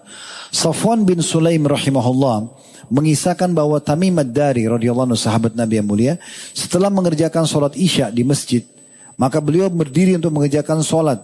Kemudian membaca satu ayat saja. Dari surah Al-Mu'minun surah nomor 23 ayat 104. Yang bunyinya. Talfahu ujuhahumun nar wahum fiha kalihun. Wajah mereka dibakar di api neraka. Dibolak balikkan. Dan mereka dalam keadaan cacat. Kata tabi ini nih Safwan rahimahullah mengatakan. Tamim Dari tidak bisa meninggalkan ayat ini. Sampai terdengar azan subuh. Ya ayat ini sebenarnya bicara kalau teman-teman nanti kembali di rumah buka uh, surah nomor 23, surah nomor surah Al-Mu'minun ayat 99 sampai 115. Ini tentang cerita penyesalan orang kafir hari kiamat. Mereka menyesal pada saat masuk neraka, mereka minta dikembalikan ke dunia. Tapi Allah SWT menggambarkan bagaimana mereka di neraka nanti cacat. Makna cacat dalam sebuah hadis dijelaskan karena panasnya api neraka sampai bibir atas mereka melepuh dan bisa melipat sampai di kepalanya. Dan bibir bawahnya melepuh sampai ke pusar mereka. Itu namanya mereka dalam kondisi cacat. Maka Tamimat dari waktu baca ayat ini, dia faham artinya tentang bagaimana orang di sini neraka nanti maka dia terus mengulang-ulangi dalam satu malam satu sholat saya satu ayat ini dalam satu sholat eh, dalam sholatnya semalam suntuk Begitu juga dinukil dari Abbad bin Abdullah bin Zubair radhiyallahu anhu berkata bahwasanya Asma binti Abi Bakar radhiyallahu membuka sholatnya dengan surah At-Tur. Dan ketika pada saat sampai ayat tentang ya ahli surga mereka mengatakan nanti kita kalau masuk surga insya Allah ini perkataan umum semua ahli surga akan mengatakan ini. Famannallahu alaina wa waqana adzabas samum. Sesungguhnya Allah telah memberikan karunia surga kepada kita dan menyelamatkan kita dari siksa api neraka. Surah Tur ayat 27. Kata penukir riwayat ini, Abbad mengatakan, saya pergi ke pasar, sudah beli segala macam hajat, lalu saya kembali ke rumah, saya temukan Ummu uh, uh, apa namanya um, uh, Asma radhiyallahu anha masih mengulangi ayat tadi, ya karena memang terenyuh dengan atau ter, tersentuh dengan ayat tersebut. Al-Qasim bin Abi Ayyub rahimahullah berkata, aku pernah mendengar Sa'id bin Jubair, ini salah satu tabi'in yang masyhur yang dibunuh oleh Hajjaj rahimahullah, mengulang-ulangi ayat ini sampai 20 kali. Yaitu surah Al-Baqarah nomor 2 ayat 281, "Wattaqu yawman turja'una fihi ila Allah, thumma tuwaffaqu nafsin ma kasabat wa hum la yudlamun." Artinya peliharalah dirimu dari azab yang terjadi pada waktu kamu semua dikembalikan kepada Allah. Kemudian masing-masing diberi balasan sempurna terhadap apa yang mereka kerjakan. Maka Said bin Jubair mengulangi ayat ini sampai 20 kali dan terus merenungi maknanya. Abdurrahman bin Ajlan rahimahullah berkata, pada satu malam aku bermalam di kediaman Rabi ibn Huthaim rahimahullah, seorang ulama tabi'in Rabi ibn Huthaim. Dan pada saat dia sedang bangun sholat malam, dia sempat melewati ayat surah Al-Jathiyah, surah nomor 45 ayat 21. Yang bunyinya am hasibal ladina ishtara'u sayyiati am naj'alahum kal ladina amanu wa amil salihati sawan mahya wa matuhum sa'a ma yahkumun. Terjemahannya Al-Jathiyah ayat 21 ini, apakah orang-orang yang berbuat jahat, yang kafir, ahli maksiat, itu menyangka bahwasanya kami akan menjadikan mereka seperti dengan orang-orang beriman dan sibuk mengerjakan amal soleh, yaitu sama antara kehidupan dan kematian mereka, amat buruk yang mereka sangka itu. Maka Rabi ibn Huthaim rahimahullah mengulangi ayat ini dari malam sampai pagi. Jadi kalau ada orang menganggap, oh kita beriman atau tidak beriman, soleh atau tidak soleh, sama saja ini keliru. Allah membantah dalam surah Al-Jasiyah 21 tadi. Pasti akan beda. Kehidupan dan ketentraman orang beriman dan amal itu di dunia selama hidup dan juga kematiannya akan beda dengan orang-orang yang melakukan kemaksiatan. Dan beliau terus menangis sampai pagi merenungi ayat ini. Ibnu Mubarak rahimahullah, Abdullah bin Mubarak, seorang tabi'in yang masyhur. Beliau pernah semalam suntuk hanya mengulangi satu ayat. Kita sudah hafal semua. Surat Takatsur ayat 1. Surah nomor 102. Alhaakumut takathur. Sungguh bermegang-megang telah membuat kalian lalai. Maka beliau membaca semalam suntuk ayat ini saja. Mengulangi sambil menangis. Merenungi kembali. Beliau khawatir jangan sampai beliau yang kena. Nah seperti itu kurang lebih gambaran bagaimana mereka mendengar Quran. Dan kalau yang seperti ini, inilah yang tadinya bisa mengundang bagaimana malaikat mendengarkan bacaan Usaid radhiyallahu anhum. Dan itu bukan mustahil terjadi pada siapa pun. Kemudian yang ke, itu yang ketujuh tadi, yang kedelapan tentang bolehnya memuji orang lain. Nah ini ada bahasan sendiri, kita butuh beberapa menit menjelaskannya. Jadi tadi uh, ada hadis Nabi SAW, nikmar rajul Usaid bin Khudair. Nabi SAW mengatakan sebaik-baik laki-laki adalah Usaid bin Khudair. Ini pelajaran sendiri nih.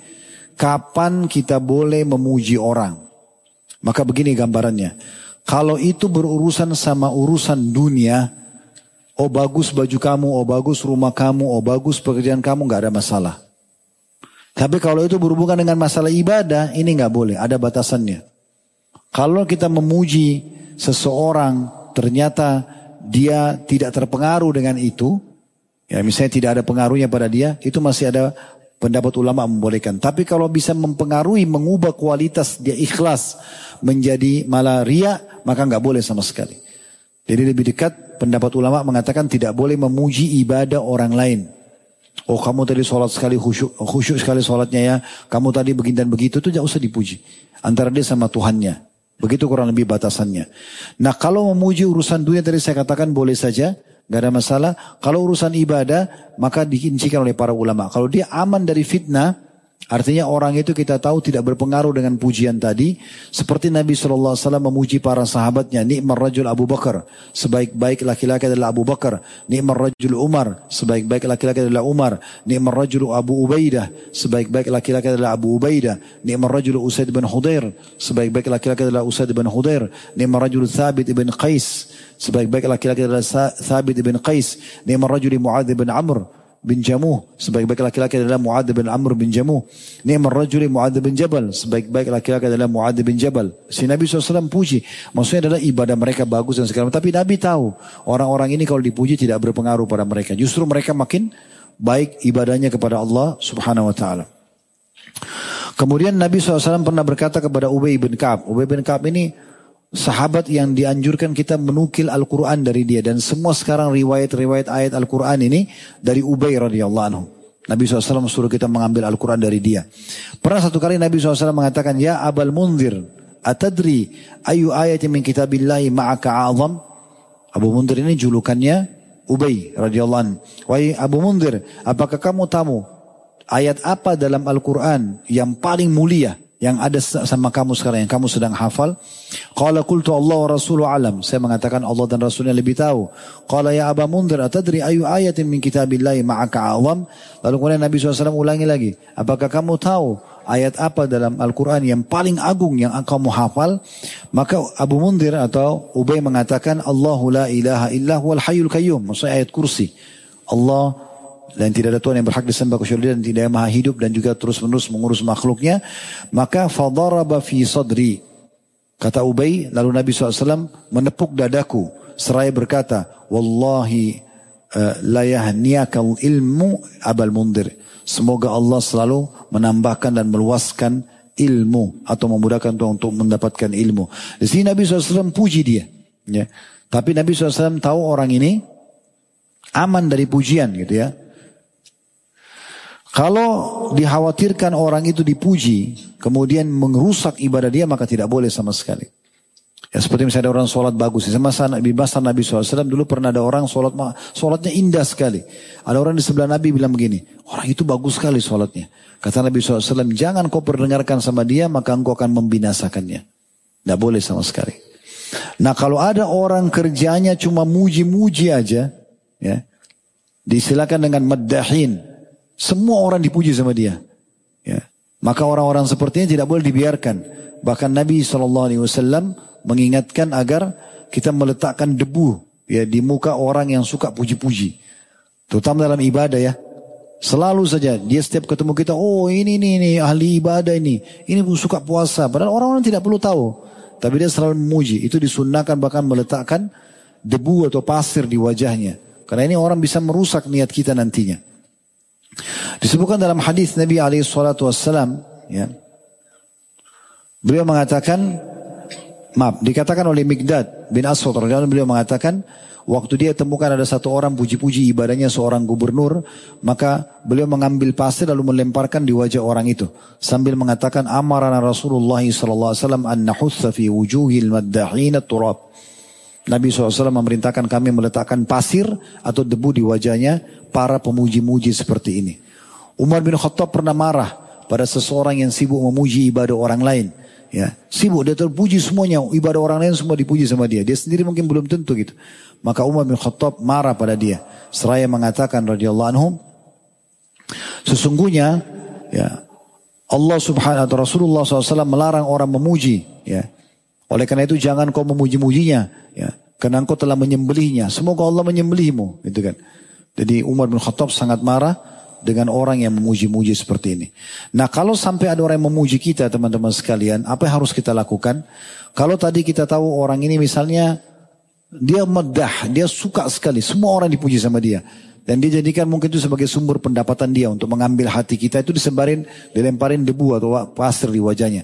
Tapi kalau misalnya orang itu tidak, memang kebetulan aja dia melihat uh, ada satu kelebihan dan dia tidak pernah kita dengar dia memuji, tiba-tiba dia memuji saja. Maka kata Abu Bakar radhiyallahu anhu pada saat beliau dipuji dari sisi seperti ini, beliau membaca doa, Allahumma anta alamu minni binafsi. Ya Allah, sungguhnya engkau lebih mengenal, mengetahui keadaan diriku daripada diriku sendiri. Wa ana alamu binafsi minhum.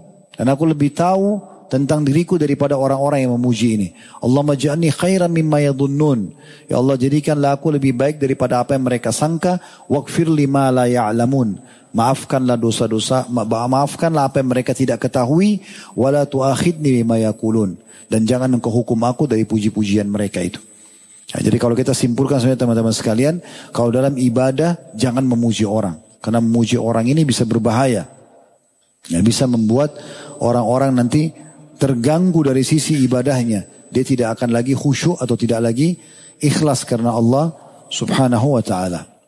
Baik sebagai penutup teman-teman sekalian tentang masalah amalan khususnya Usaid bin Khudair radhiyallahu anhu. Kalau tadi Al-Qur'an sudah kita jelaskan, kemudian juga mendengarkan ya khutbah Nabi alaihi salatu wassalam ini yang mungkin kita tambahkan sedikit dengan juga eh, tentang masalah mengantar jenazah karena tiga hal ini yang beliau selalu jadikan sebagai amalan unggulan beliau ya.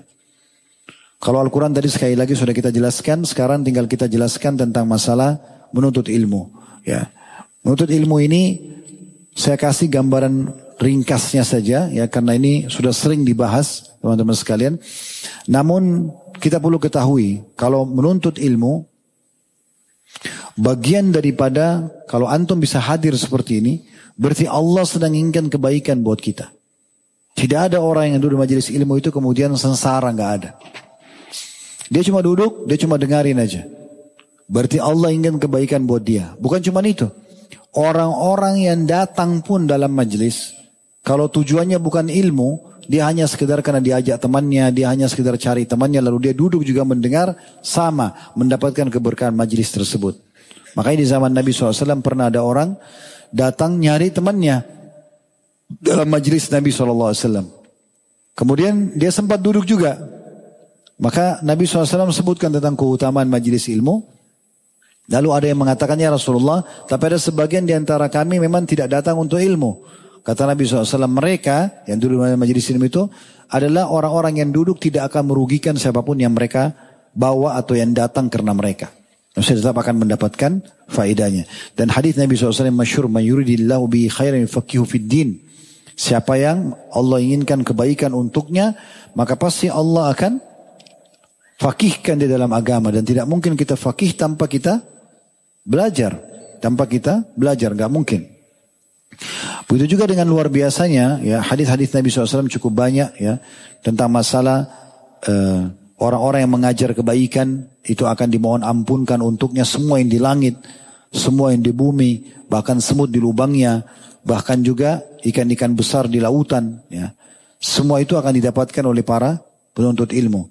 Dan sebagian ulama menitibkan mengatakan ketahuilah pena yang dipakai untuk menulis tinta pena yang dipakai menulis oleh para ulama lebih afdal daripada darahnya para syuhada. Lebih afdal daripada darahnya para syuhada. Kenapa? Karena seorang alim bisa memotivasi seribu orang untuk mati syahid. Bisa membuat seribu orang miskin yang sabar dengan ilmunya. Tapi belum tentu orang yang mati syahid bisa menyelamatkan semua orang-orang ini. Gitu kan?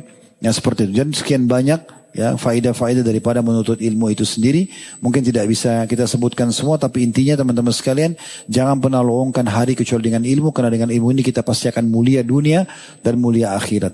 Saya tutup di poin ini dengan kejadian Abu Yusuf rahimahullah seorang murid Abu Hanifah. Beliau pernah dipanggil oleh khalifah di masanya dia untuk makan. Makanan ini kebetulan makan kerajaan kacang-kacangan sama uh, adonan gandum dicampur dengan uh, apa kismis dengan macam-macam gitu ya. Dan ini makanan mahal cuma raja-raja saja yang makan. Subhanallah Abu Yusuf dipanggil kalau dia sudah jadi ulama besar muslimin ya. Dan dia hidup di masanya Imam Syafi'i dan Imam Ahmad sampai terkenal murid-muridnya nyebar di mana-mana. Uh, kemudian dia dipanggil oleh khalifah, dia duduk di sebelah sananya. Pada saat dihidangkan makanan yang mewah tadi, Abu Yusuf lalu tiba-tiba tersenyum. Sambil melihat singgasananya raja, dia lihat raja di sebelahnya, dia lihat juga makanan yang mewah ini. Kata khalifah, kenapa anda tersenyum? Dia bilang, saya tiba-tiba teringat guru saya Abu Hanifah. Dulu waktu awal saya belajar sama dia, saya masih biasa sekali. Masih belajar, belum tahu apa-apa, masih awal-awal belajar. Maka Abu, Abu, Abu Hanifah melihat keseriusan saya dalam belajar, maka dia mengatakan, wahai Abu Yusuf sabarlah. Sesungguhnya kalau engkau betul-betul tekuni ilmu ini, maka engkau akan duduk di majelis-majelisnya para raja dan engkau akan memakan makanan kemusukaan mereka. Maka Yusuf mengatakan sekarang Allah SWT buktikan saya atau buktikan untuk saya ini. Ini teman-teman sekalian dan yang terakhir kita tutup dengan masalah mengantar jenazah yang merupakan salah satu kegiatan favorit itu ibadah terbaik yang dipilih oleh Usaid radhiyallahu anhum. Di poin ini mungkin teman-teman tidak asing lagi hadis Nabi Shallallahu Alaihi Wasallam. Kata beliau siapa yang mengantar jenazah mensolati menghadiri mensolati jenazah sampai pemakamannya maka dia akan dapat dua kirot. Dan satu kirotnya seperti gunung Uhud. Dan siapa yang mensolati jenazah lalu dia pulang sebelum dimakamkan maka dia akan dapat satu kirot saja satu gunung sekarang pertanyaan sederhana teman-teman. Kalau sudah tahu sholat jenazah, Alhamdulillah. Tapi sholat jenazah ini cuma empat kali takbir. Nggak ada ruku, nggak ada sujud, nggak ada iftitah, nggak ada surah. Takbir pertama Allah Akbar Al-Fatihah saja. Setelah itu takbir yang kedua baca salawat Ibrahim ini baca pada saat sahiyat. Takbir ketiga mendoakan mayit. Takbir keempat salam. Sebagian ulama ada yang menambahkan kalau mau doakan diri sendiri bisa saja. Ini sholat yang paling ringan. Sholat jenazah. Tapi bayangkan pahalanya. Kalau sholat jenazah, ya, maka dapat satu kirot. Seperti satu gunung Uhud pahalanya. Hanya hitungan menit. Dan kalau diantar sampai dimakamkan dapat satu gunung lagi. Pertanyaan sederhana. Kenapa Allah memberikan pahala sebesar ini? Bagi orang yang sholat jenazah dan mengantar jenazah. Ulama menyebutkan rahasianya, mengatakan karena Allah menginginkan setiap hambanya menyadari tentang kematian itu.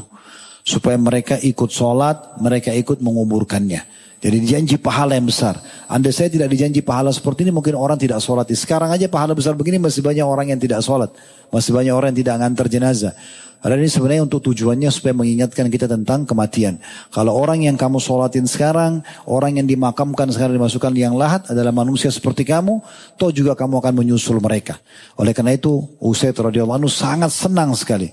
Kalau bukan baca Quran, dia renungi mana-mana seperti di makna tadabbur, atau dia mendengarkan majelis ilmu Nabi SAW, sibuk dengarin aja terus. Apa yang dia bisa ambil faidah, atau mengantar jenazah, ini tiga perbuatan yang merupakan unggulan mereka atau unggulan beliau. Beliau mengatakan saya tidak ingin ya berada di kegiatan yang lainnya. Jadi karena jenazah juga mengantarkan kita pada pelajaran penting. Kalau kita semua akan meninggal dunia, semua akan ditinggal di muka bumi dan kita akan kembali kepada Sang Pencipta Allah Subhanahu wa taala. Saya tutup dengan perkataan Hasan Basri rahimahullah. Beliau pernah mengantar jenazah bersama orang-orang muslimin. Kemudian beliau melihat jenazah lihat depannya, tadinya beliau diam, tiba-tiba beliau berzikir.